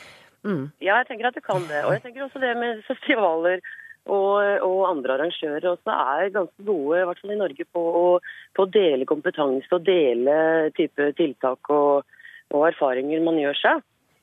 Så dette her tror jeg faktisk kan gjøre at uh, flere festivaler og også andre arrangører kunne finne, finne en måte å, å, bruke et sånn type grep på. At du... Grep. Ja, Hvilke andre grep tenker du på da? Ja, f.eks. Eh, ikke bare inviterte, men også kanskje eh, ja, gjøre noen grep eh, blant eh, artister eller eh, Ja, jeg, tenker mer på den sida det at det, faktisk så kan det, den lille det lille grepet her til Slottsfjell kan ha en ringvirkning som gjør at uh, norske festivaler kan gjøre Norge kanskje et foregangsland mm. Innenfor uh, musikk- og kultur- og mediebransjen. Så, så, hva slags eh, reaksjoner har du fått på dette? Som jeg har fått? Mm. Jeg får positive reaksjoner på, på det fra de jeg har snakka med. Eh, jeg var ikke sjøl på Slottsfjellfestivalen, dessverre. Så jeg, jeg, var ikke til stede og fikk verken snakke med delegater eller artister eller, eller noe. Men, eh, men de, det er veldig positive reaksjoner i, i det norske miljøet, balansemiljøet og musikkmiljøet, for å si det sånn. Men da får vi og, håpe at det er dette som må til da, for å få flere kvinner inn i bransjen. Takk til deg, Guro Kleveland, som altså er tilknyttet foreningen Balansekunst, som jobber for å, få, for å jevne ut kjønnsforskjellene i musikklivet. Da skal vi gjøre at eh, Savio-museet og Sør-Varanger kommune i Finnmark nå er med, i ferd med å sikre seg en stor privat samling av Jon Savio-verker. Jon Savio er spesielt kjent for sine tresnitt og regnes som en av de fremste samiske billedkunstnerne. Ifølge ordfører i Sør-Varanger Rune Rafaelsen vil kjøpet av den private samlingen være viktig. Eh, i, i veien mot et permanent Jon Savio-museum på Kirkenes. Det vil bety svært mye. Og klart Skal du få etablert noe som vi håper et eh, permanent eh, Savio-museum, Savio-galleri, så må du jo ha ei samling av mange grunner. En er jo at du skal kunne vise frem et differensiert bilde av, eh, av Savios produksjon. Men det, det, andre for et sånt museum, galleri, er jo også at du skal ha grunnlag for en, en forskningsbasert aktivitet basert på hans arbeid. Han er kjent for sine vakre tresnitt om samisk hverdagsliv og natur. Jon Savio var født i Bugøynes i Finnmark og tok utdannelse ved Statens håndverks- og kunstindustriskole i Oslo. Han debuterte med ei separatutstilling i Tromsø i 1930, og hadde også utstilling i Paris. I 1938 gikk han bort, bare 36 år gammel. I dag regnes Jon Savio som en av de fremste billedkunstnerne som Sápmi har fostra. Det sier leder for Savio-museet, Liv Astrid Svaleng. En ting var jo at han var den første. Han var den første same som, som, levde av kunsten sin. Men han så det jo også som en uh, viktig uh, livsoppgave å fortelle resten av, si, resten av verden om om at det fantes eh, en, en, samisk kultur. Nils Kristian Bang fra Hønefoss begynte å samle savio-bilder etter å ha sett ei utstilling på begynnelsen av 60-tallet. I dag eier han nærmere 500 bilder av den samiske kunstneren. Bilder han nå skal overdra til Sør-Varanger kommune. Liv Astrid Svaleng beskriver samlinga slik. Den inneholder oljemalerier, akvareller, pasteller, tresnitt, både sort-hvite og håndkolorerte. Og også en hel del skisser og tegninger. Altså Hele samlinga er, er, jo interessant, men det som er spesielt bra, det er jo det at vi vil få en nærmest komplett eh, samling av Savio sine tresnitt. Den private samlinga har en prislapp på fem millioner kroner, og kjøpet skal finansieres med penger fra bl.a. Sametinget og Finnmark fylkeskommune. Fortsatt mangler en halv million kroner, men Rune Rafalsen setter sin lit til at Finnmarkseiendommen spytter i resten. Går alt etter planen, er den private samlinga på plass på Kirkenes i løpet av høsten. Det å ta vare på arven etter Savjo, så det er helt avgjørende at du får tilgang til hans arbeid, og det spesielt den private samlinga som Bang har samla opp i løpet av de siste 50-60 åra. Reporter Rune Norgård Andreassen. Det populære mobilspillet Pokémon Go har, som du helt sikkert har fått med deg, tatt verden med storm. Og nå begynner andre merkevarer og bedrifter å lete etter muligheter for hvordan også de kan tjene penger på dette. Du kan definitivt eh, si at det er mye for mer folk rundt på Vulkan. Det er bare å se seg rundt. Det sier Dan Aasen, daglig leder på burgerrestauranten Døgnvill i Oslo. Det, akkurat nå så tenker jeg vi har 30 stykker totalt, med de som sitter og spiser. Som uh, spiller Pokémon uh, Go. Det blir mye folk i løpet av et døgn som uh, normalt sett kanskje ikke ville vært på Vulkan. De er en av flere bedrifter som den siste veka har tatt seg nytte av Pokémon Go-bølga og gitt uoffisielle spesialtilbud til de mange spillerne som går rundt i gatene. Aasen lasta ned spillet og så at tilfeldighetene skulle ha det til at mange Pokestops sentrale nav i spillet var i nærleiken av restauranten. Og da må vi prøve å gjøre noe ut av det. Ikke noe mer enn å eh, legge ut litt eh, agn rundt restauranten vår for å se hvilken effekter. Alt er nytt, så det er umulig å, umulig å si hva det er som er, er riktig og galt å gjøre. 19.07 ble det bekrefta at McDonald's i Japan blir det første offisielle merkesamarbeidet. 5000 McDonald's-restauranter blir gjort om til slike pokestops, og gjør lanseringa i Japan med bravur. Kristine Ask, universitetslektor ved NTNU med fokus på nye medier og kultur, sier at spillet ser ut til å slå alle rekorder hittil. Akkurat nå virker det som at Pokémon GO kommer til å være ikke bare et av de største mobilspillene vi har sett så langt, men kanskje en av de mest nedlastede appene vi har. Pokémon har eh, alltid vært en pengeku, men det er jo ikke sånn at, eh, at spill har vært fri for eh, kommersielle interesser før Pokémon. Både Åsen og Ask sier at faren likevel er der for at spillet kan føles for kjøpt og betalt dersom de offisielle reklamesamarbeidene blir for mange. For at spillet skal være en suksess, så må de faktisk ha spillere om ikke bare én uke og to uker, men om mange måneder. Og da kan dette med sånn corporate tie-ins eh, like mye være en, eh, en mulig fare for spillet som eh, det akkurat nå kanskje kan virke som en styrke. Faren ved å, å kjøpe stopp, og at uh, Pokémon lar folk kjøpe stopp på den måten, er jo selvfølgelig det at de uh, vil bli uh, De utvanner sitt eget merkevare, vil jeg tro. I Norge er avtalene av de mindre offisielle variantene. Aktører som Telia-butikken, Den norske turistforeninga, DNB, Outland og Claes Olsson, samt ei rekke utesteder og kafeer, har eller er i ferd med å lage sine egne hendinger. Jeg tenker, tenker det at nå, nå bruker, bruker, vi fellesferien på å prøve og feile litt, og vi har ikke lyst til å være med på det hvis det ikke, hvis det ikke er noe gøy for oss heller. Reporter Andreas Hatzel Opsvik. Sommer i P2. Jeg heter Marit Hoem Kvam. I mitt sommer i P2 i dag vil jeg snakke litt om livet som gammel, og om sjansen for å være ballets dronning når du er 80 år. Sommer i P2. I dag klokken ti.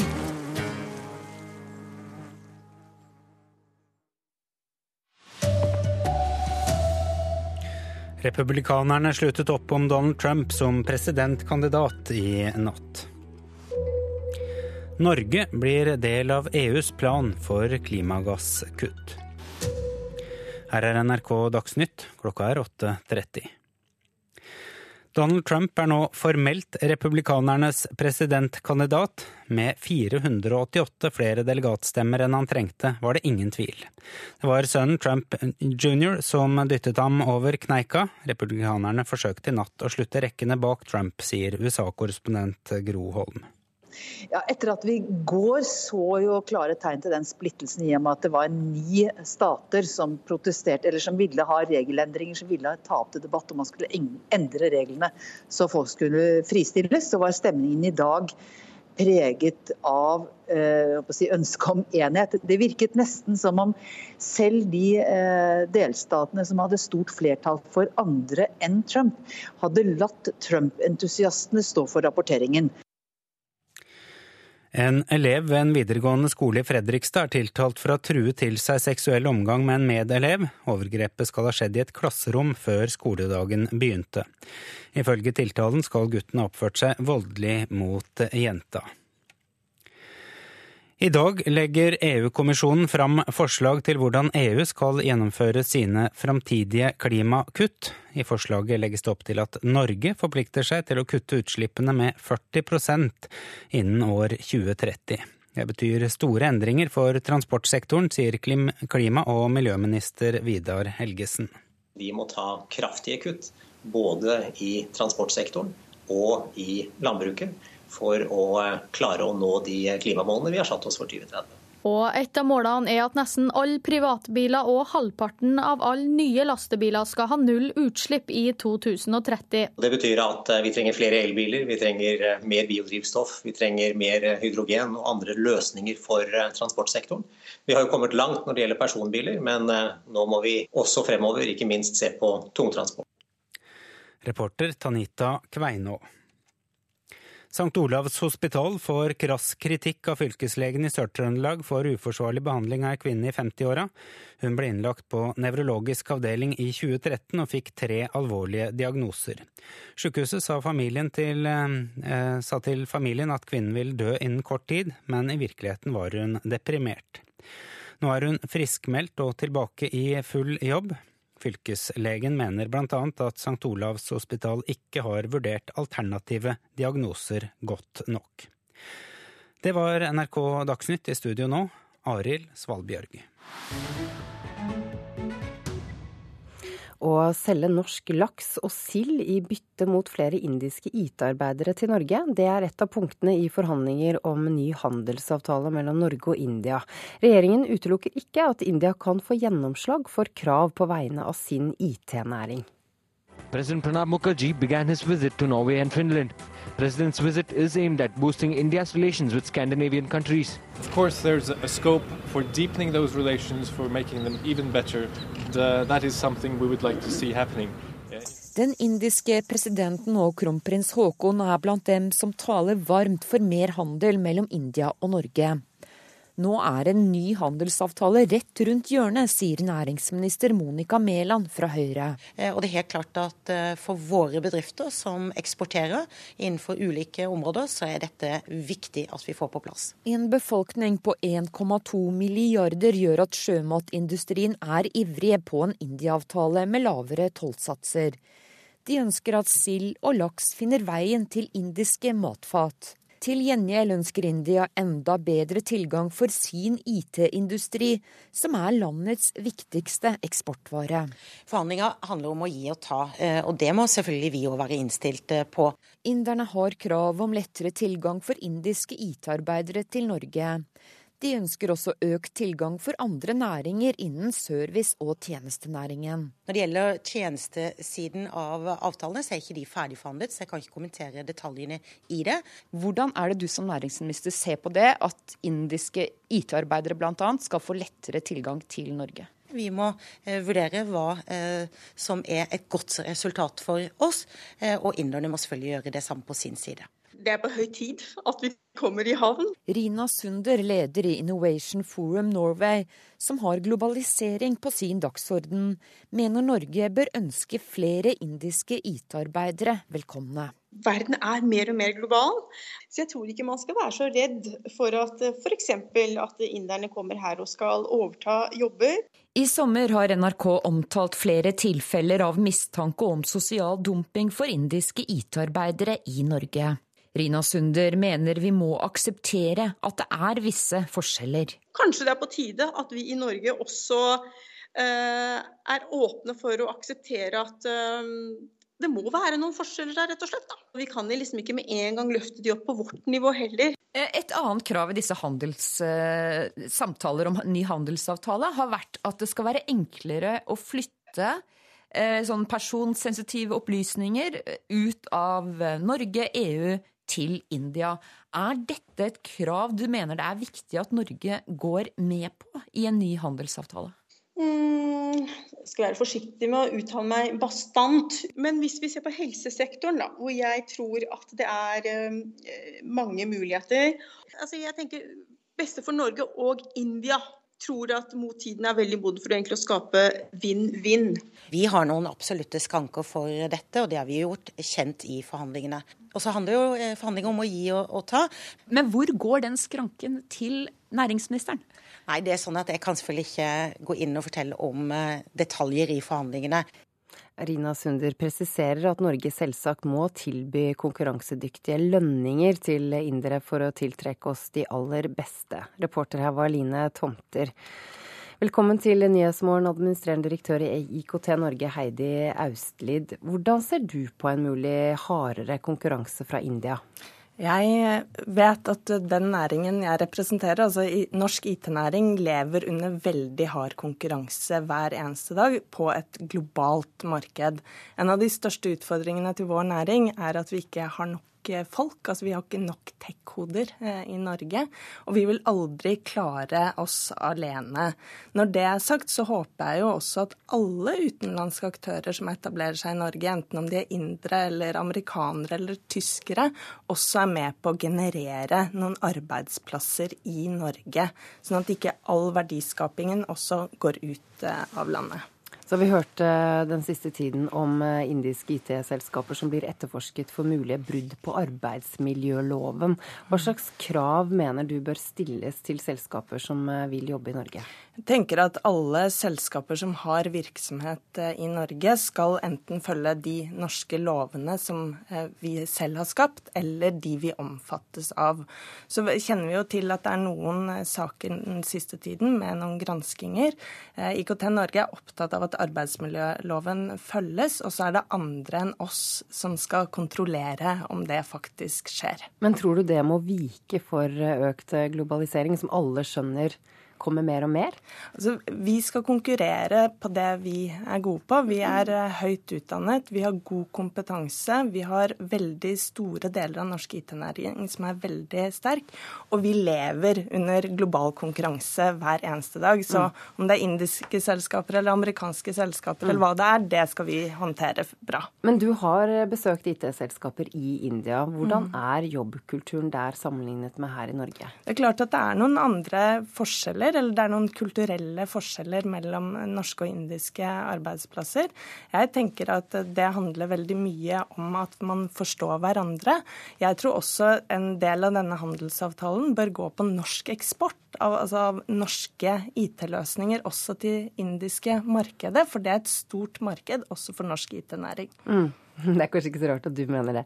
Nei, men, men innenfor helse, innenfor offentlig sektor, innenfor utdanning, hvor mm. norske IT-selskaper er verdensledende, så bør vi også se på India som et eget marked, og komme oss litt ut ifra denne eh, ja, negative fokuseringen da, som vi ofte hører. Så du hører. har også en tro på at dette kan bli en vinn-vinn-situasjon? Jeg håper det, men det er også viktig for meg å understreke at eh, norsk, selskaper som skal jobbe i Norge, de skal også følge norsk lov, eller de lovene som vi er eh, omfattet av. Så hvordan mener du da at norsk IT-bransje kan ruste seg best da for å møte denne konkurransen fra resten av verden? For det første så må politikerne i Norge sørge for at vi har nok kompetanse og kapasitet. Det betyr både at vi må lære unger tidlig å kode, vi må ha flere IT-studieplasser, sånn at vi også kan møte godt rusta i den konkurransen framover. Og så må vi kjøpe inn ikke bare pga. pris, men også pga. totalpakken kvalitet og kompetanse. Takk for at du kom hit, administrerende direktør i IKT Norge, Heidi Austlid. Utslipp må kuttes her i Norge. Vi kan ikke lenger kjøpe oss fri ved hjelp av kvoter. Det mener og sier Venstre-leder Trine Skei Grande.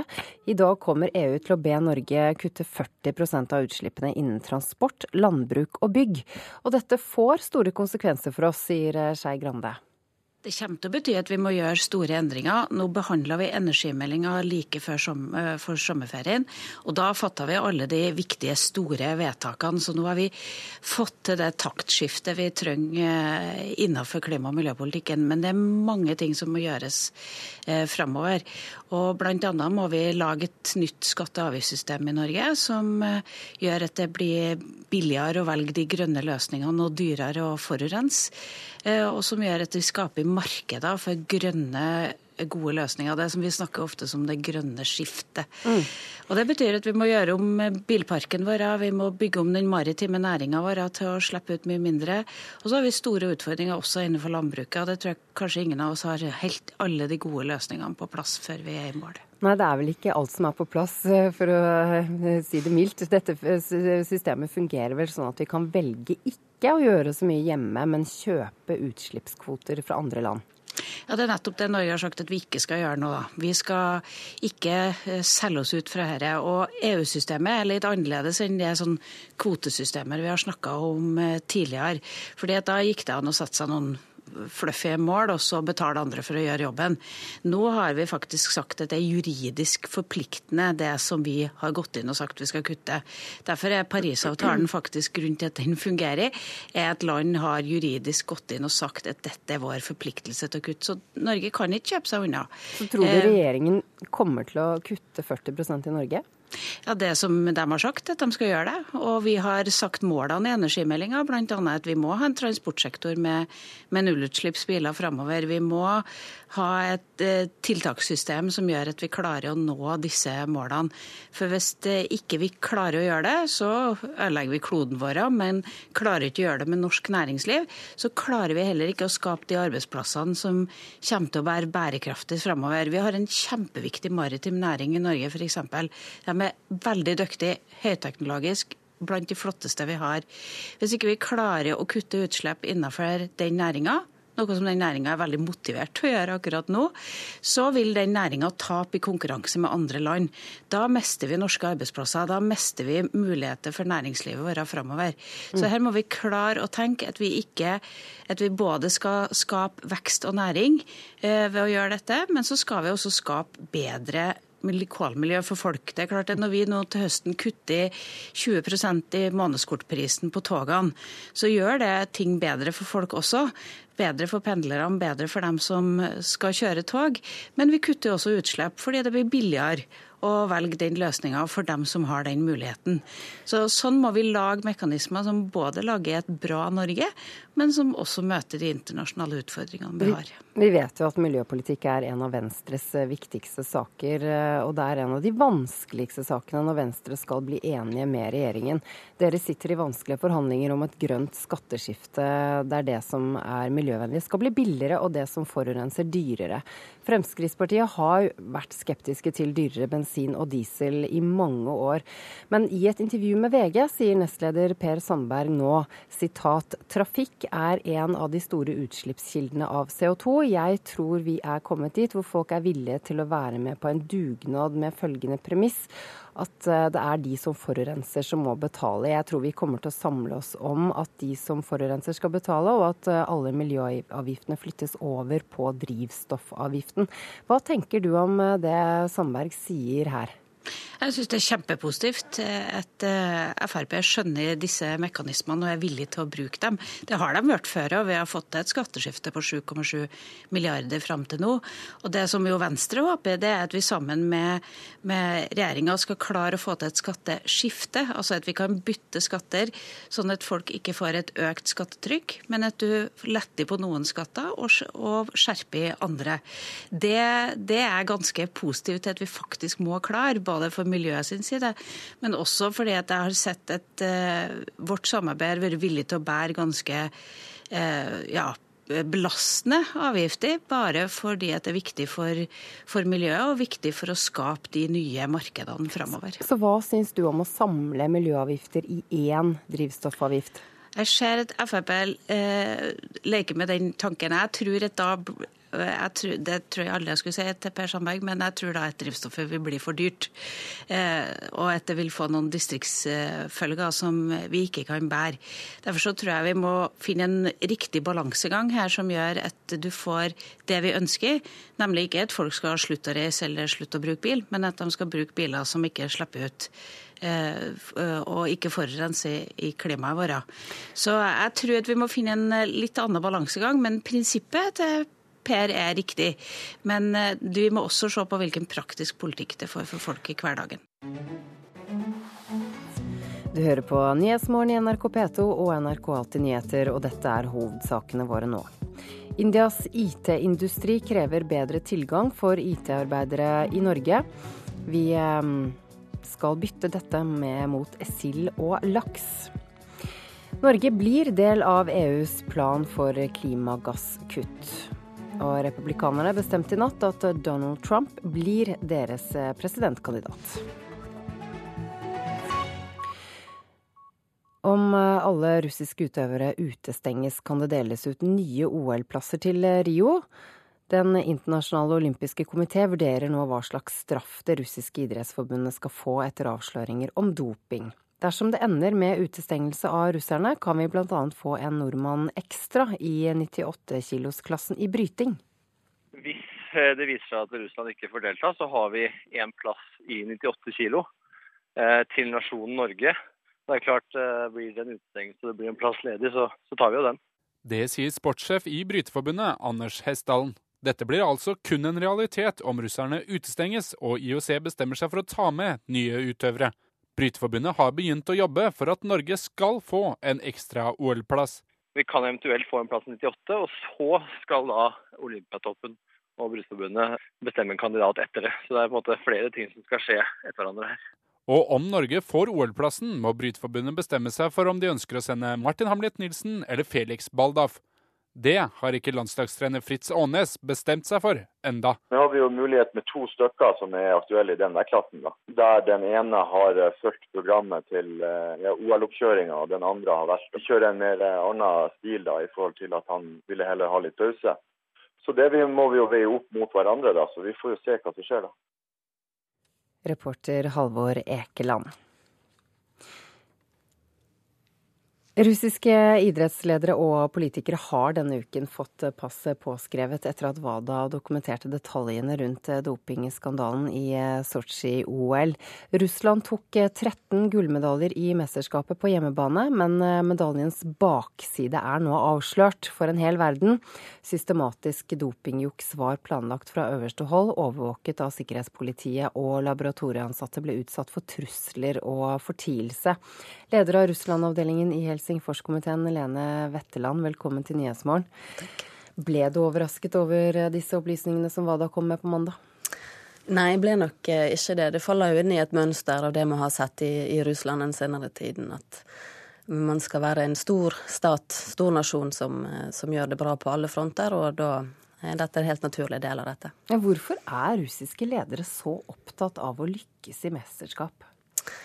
Eh, ja, som sagt, Det er ikke bare i mesterskap de skal, de skal, lykkes, men dette er en måte som er apolitisk i utgangspunktet. De kan gjøre det bra på et område der det er vanskelig å få kritikk.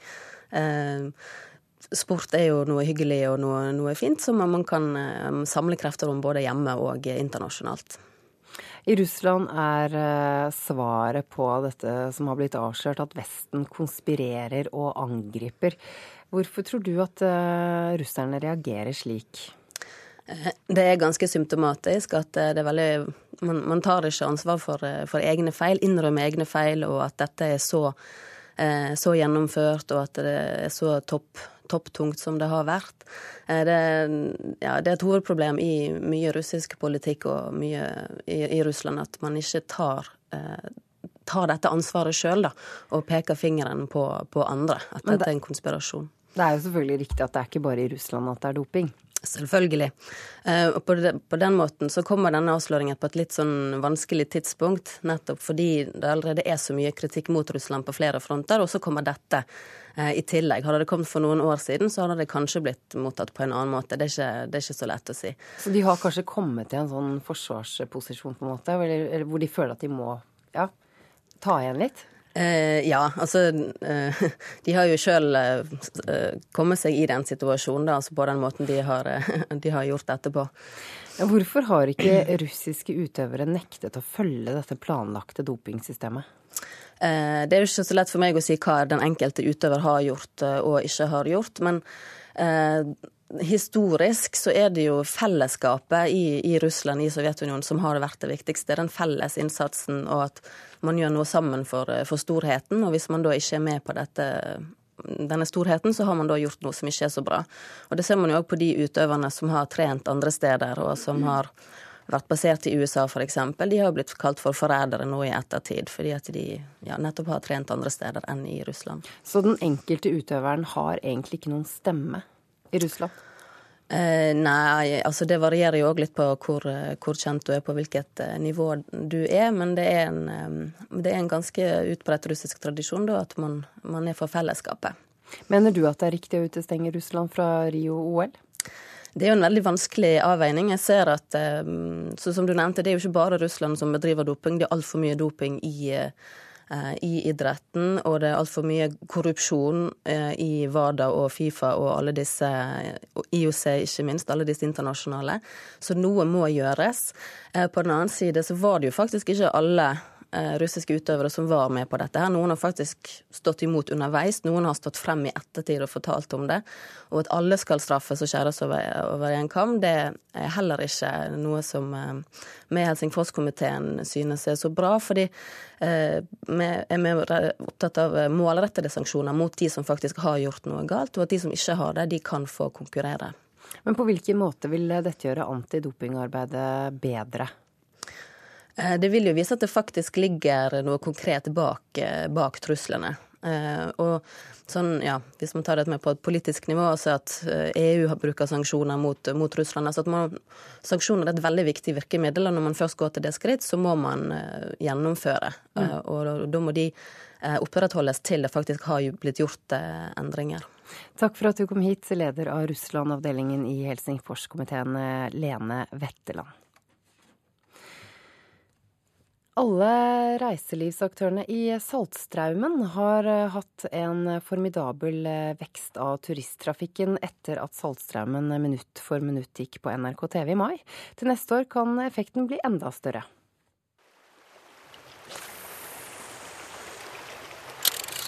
Very unique in the world, I think. And I haven't seen, seen such before. Manfred Stickert fra Tyskland står og fisker etter småseien i en av verdens sterkeste tidevannsstrømmer. In, in the, in the fjord, and, uh, 7.6 sendte NRK Saltstraumen minutt for minutt. Tolv timer fra inn- og utstrøm, en hel tidevannssyklus. Vel én million var innom programmet, og nå kommer effekten, skal vi tro turiststrømmen til Saltstraumen. Egentlig så liker jeg ikke å si det her høyt, for jeg, jeg, bruker å si at det er nesten uvirkelig å ha så stor økning. Men jeg tror jeg ligger mellom 40 og 50% økning på juni måned. Egentlig litt sånn surrealistisk. Det sier daglig leder ved Saltstraumen camping, Geir Nyheim. Så det er nok ingen tvil om at Saltstraumen Ut for minutt har hatt en veldig bra eh, effekt. Men absolutt alle aktørene rundt Saltstraumen, også eh, Stella Polaris, som som frakter turister i båt inn til strømmen, har hatt en formidabel eh, økning. Hva tenker du om det? Det er sånn som jeg ikke har trodd skulle være mulig. Det er rett og slett et eventyr. Jeg har ikke vært der siden i 1964, så jeg har lyst til å komme tilbake og, og se. Og prøve å kanskje få fisk. Vi har jo sett TV-programmet òg. Edel og Trond Brevik har kjørt fra Harstad for å campe i bobilen i Saltstraumen. Jeg har aldri vært her, så jeg hadde jo veldig lyst. Ja. Du, du hadde sett eh, Saltstraumen minutt for minutt? Ja da, det har vi jo fulgt med på det. Ja. ja.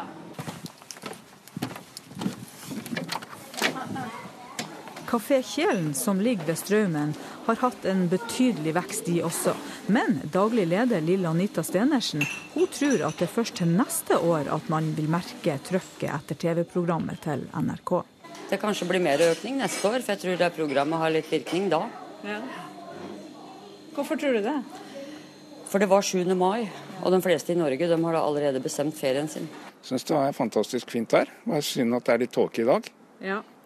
Eh, det var Saltstrømmen minutt for minutt på TV for eh, en par måneder siden. Så du noe på det? Ja, det gjorde jeg. Ja. Så det er en av de årsakene til at vi stopper her i dag. Ja. Reporter her var Monica Weit Martinsen. Ja, dette økende antallet turister, er det noe sted i landet de kan nyte over 25 grader i dag, statsmeteorolog eh, Jon Smith? Vi skal ikke se bort fra at de kan nyte det på deler av Sørlandet og deler av Østlandet. Her er det nok der det blir varmest. Det blir ikke så gærent i, på Bergen heller, f.eks. Det kan passere 20 grader der. Det er noen som har vært litt misfornøyd med at det er ganske lenge siden det har vært en sommerdag, altså en dag med 20 grader eller mer i Bergen, men i dag kan det altså bli. Hurra. Det blir ikke sommerdag på Spitsbergen. Her blir det snarere tvert imot. Uh, under ti grader, ganske skyet og litt regn av og til. Men så er det ganske bra når vi kommer til Finnmark nå, mange steder. Og her kan vi passere 20-tallet en del eh, gode steder i dag. Og det blir ganske mye fint vær i de sørøstlige områdene. Mens på kysten eh, her kan det henge igjen en del skyer, særlig i vest, og litt spredt regn veldig tidlig på dagen, og opp i en liten kuling fra vest. Så vi kan ikke legge vekk paraplyen helt, altså? Nei, ikke der, men mye av dagen skal bli bra også der. Og det blir også litt bedre i Troms etter hvert, selv om skyene nok kommer til å henge i ganske lenge. Og det lille regnet som er nå, det er i ferd med å gi seg også i Troms, da, men det blir ikke de store temperaturene. Kanskje Tromsø sånn opp igjen 12-13 grader i dag, da. Litt bedre i Nordland når vi kommer dit. Saltstraumen, der er det ganske skya for øyeblikket, i hvert fall fall. Så de som er der på, på tur, de, de, har det ganske skyet nå. Men det blir bedre etter hvert. Altså, de får også perioder med sol, og det er det også lenger sør i Nordland. Men på Helgeland så kan det komme noen skyer sørfra etter hvert, da. Uh, Opp i rundt 15 grader kanskje i Bodø i dag, og det er ganske skyet i Trøndelag og Møre og Romsdal. Litt spredt regn tidlig på dagen, men det blir bedre etter hvert også der. Uh, og perioder med sol, og er vi i Trondheim, så kan vi se 20-tallet så vidt det er i dag, f.eks. da. Vestlandet sør for Stad er litt blanda skydekke her, men oppholdsvær. Perioder med sol. Mest skyer i de sørligste områdene. Og også her eh, over 20 grader en del steder. Godt over 20 grader kanskje lengst i sør og indre områder. Men i kveld så skyer det til, og skal vi foregripe morgendagen, så kommer det inn regn og tordenbyger etter hvert. Altså. Da er det slutt på, på dette her. Eh, fint på Sørlandet. Eh, det ligger en del tåkeskyer på kysten fra Lyngør og østover opp mot Oslofjorden. Og de løser seg gradvis opp, men en del av de kan nok ligge der ubehagelig lenge, tror jeg, utover dagen å plage kanskje sommerfølelsen for enkelte, men inn i landet så er det bedre vær, og også litt skiftende skydekke nordover på Østlandet og i fjellet. Stort sett oppholdsvær. Kanskje en og annen lokal ettermiddagsbyge over Østlandet, men veldig få. Kanskje kan telle dem på to hender til sammen. Også Østfold kan være utsatt for å få noen byger aller, aller lengst eh, i sør i dag, da. Og som vi snakket om tidligere, i den delen av landet så kan vi få både mellom 20 og 25 grader i varmeste stedene, og kanskje litt over 25 også. Landvik ved Grimstad, varmest i landet i går, 25,9. Vi satser på å slå den så vidt her. Dette høres ut som en typisk norsk sommer, eh, statsmeteorolog Jon Switz. Dette er Nyhetsmorgen. Ansvarlig for sendingen er Hans Christian Eide. Teknisk ansvarlig Hanne Lunås. Produsent Amalie Frøystad Nærø. I studio Ida Creed. Hør flere podkaster på nrk.no podkast.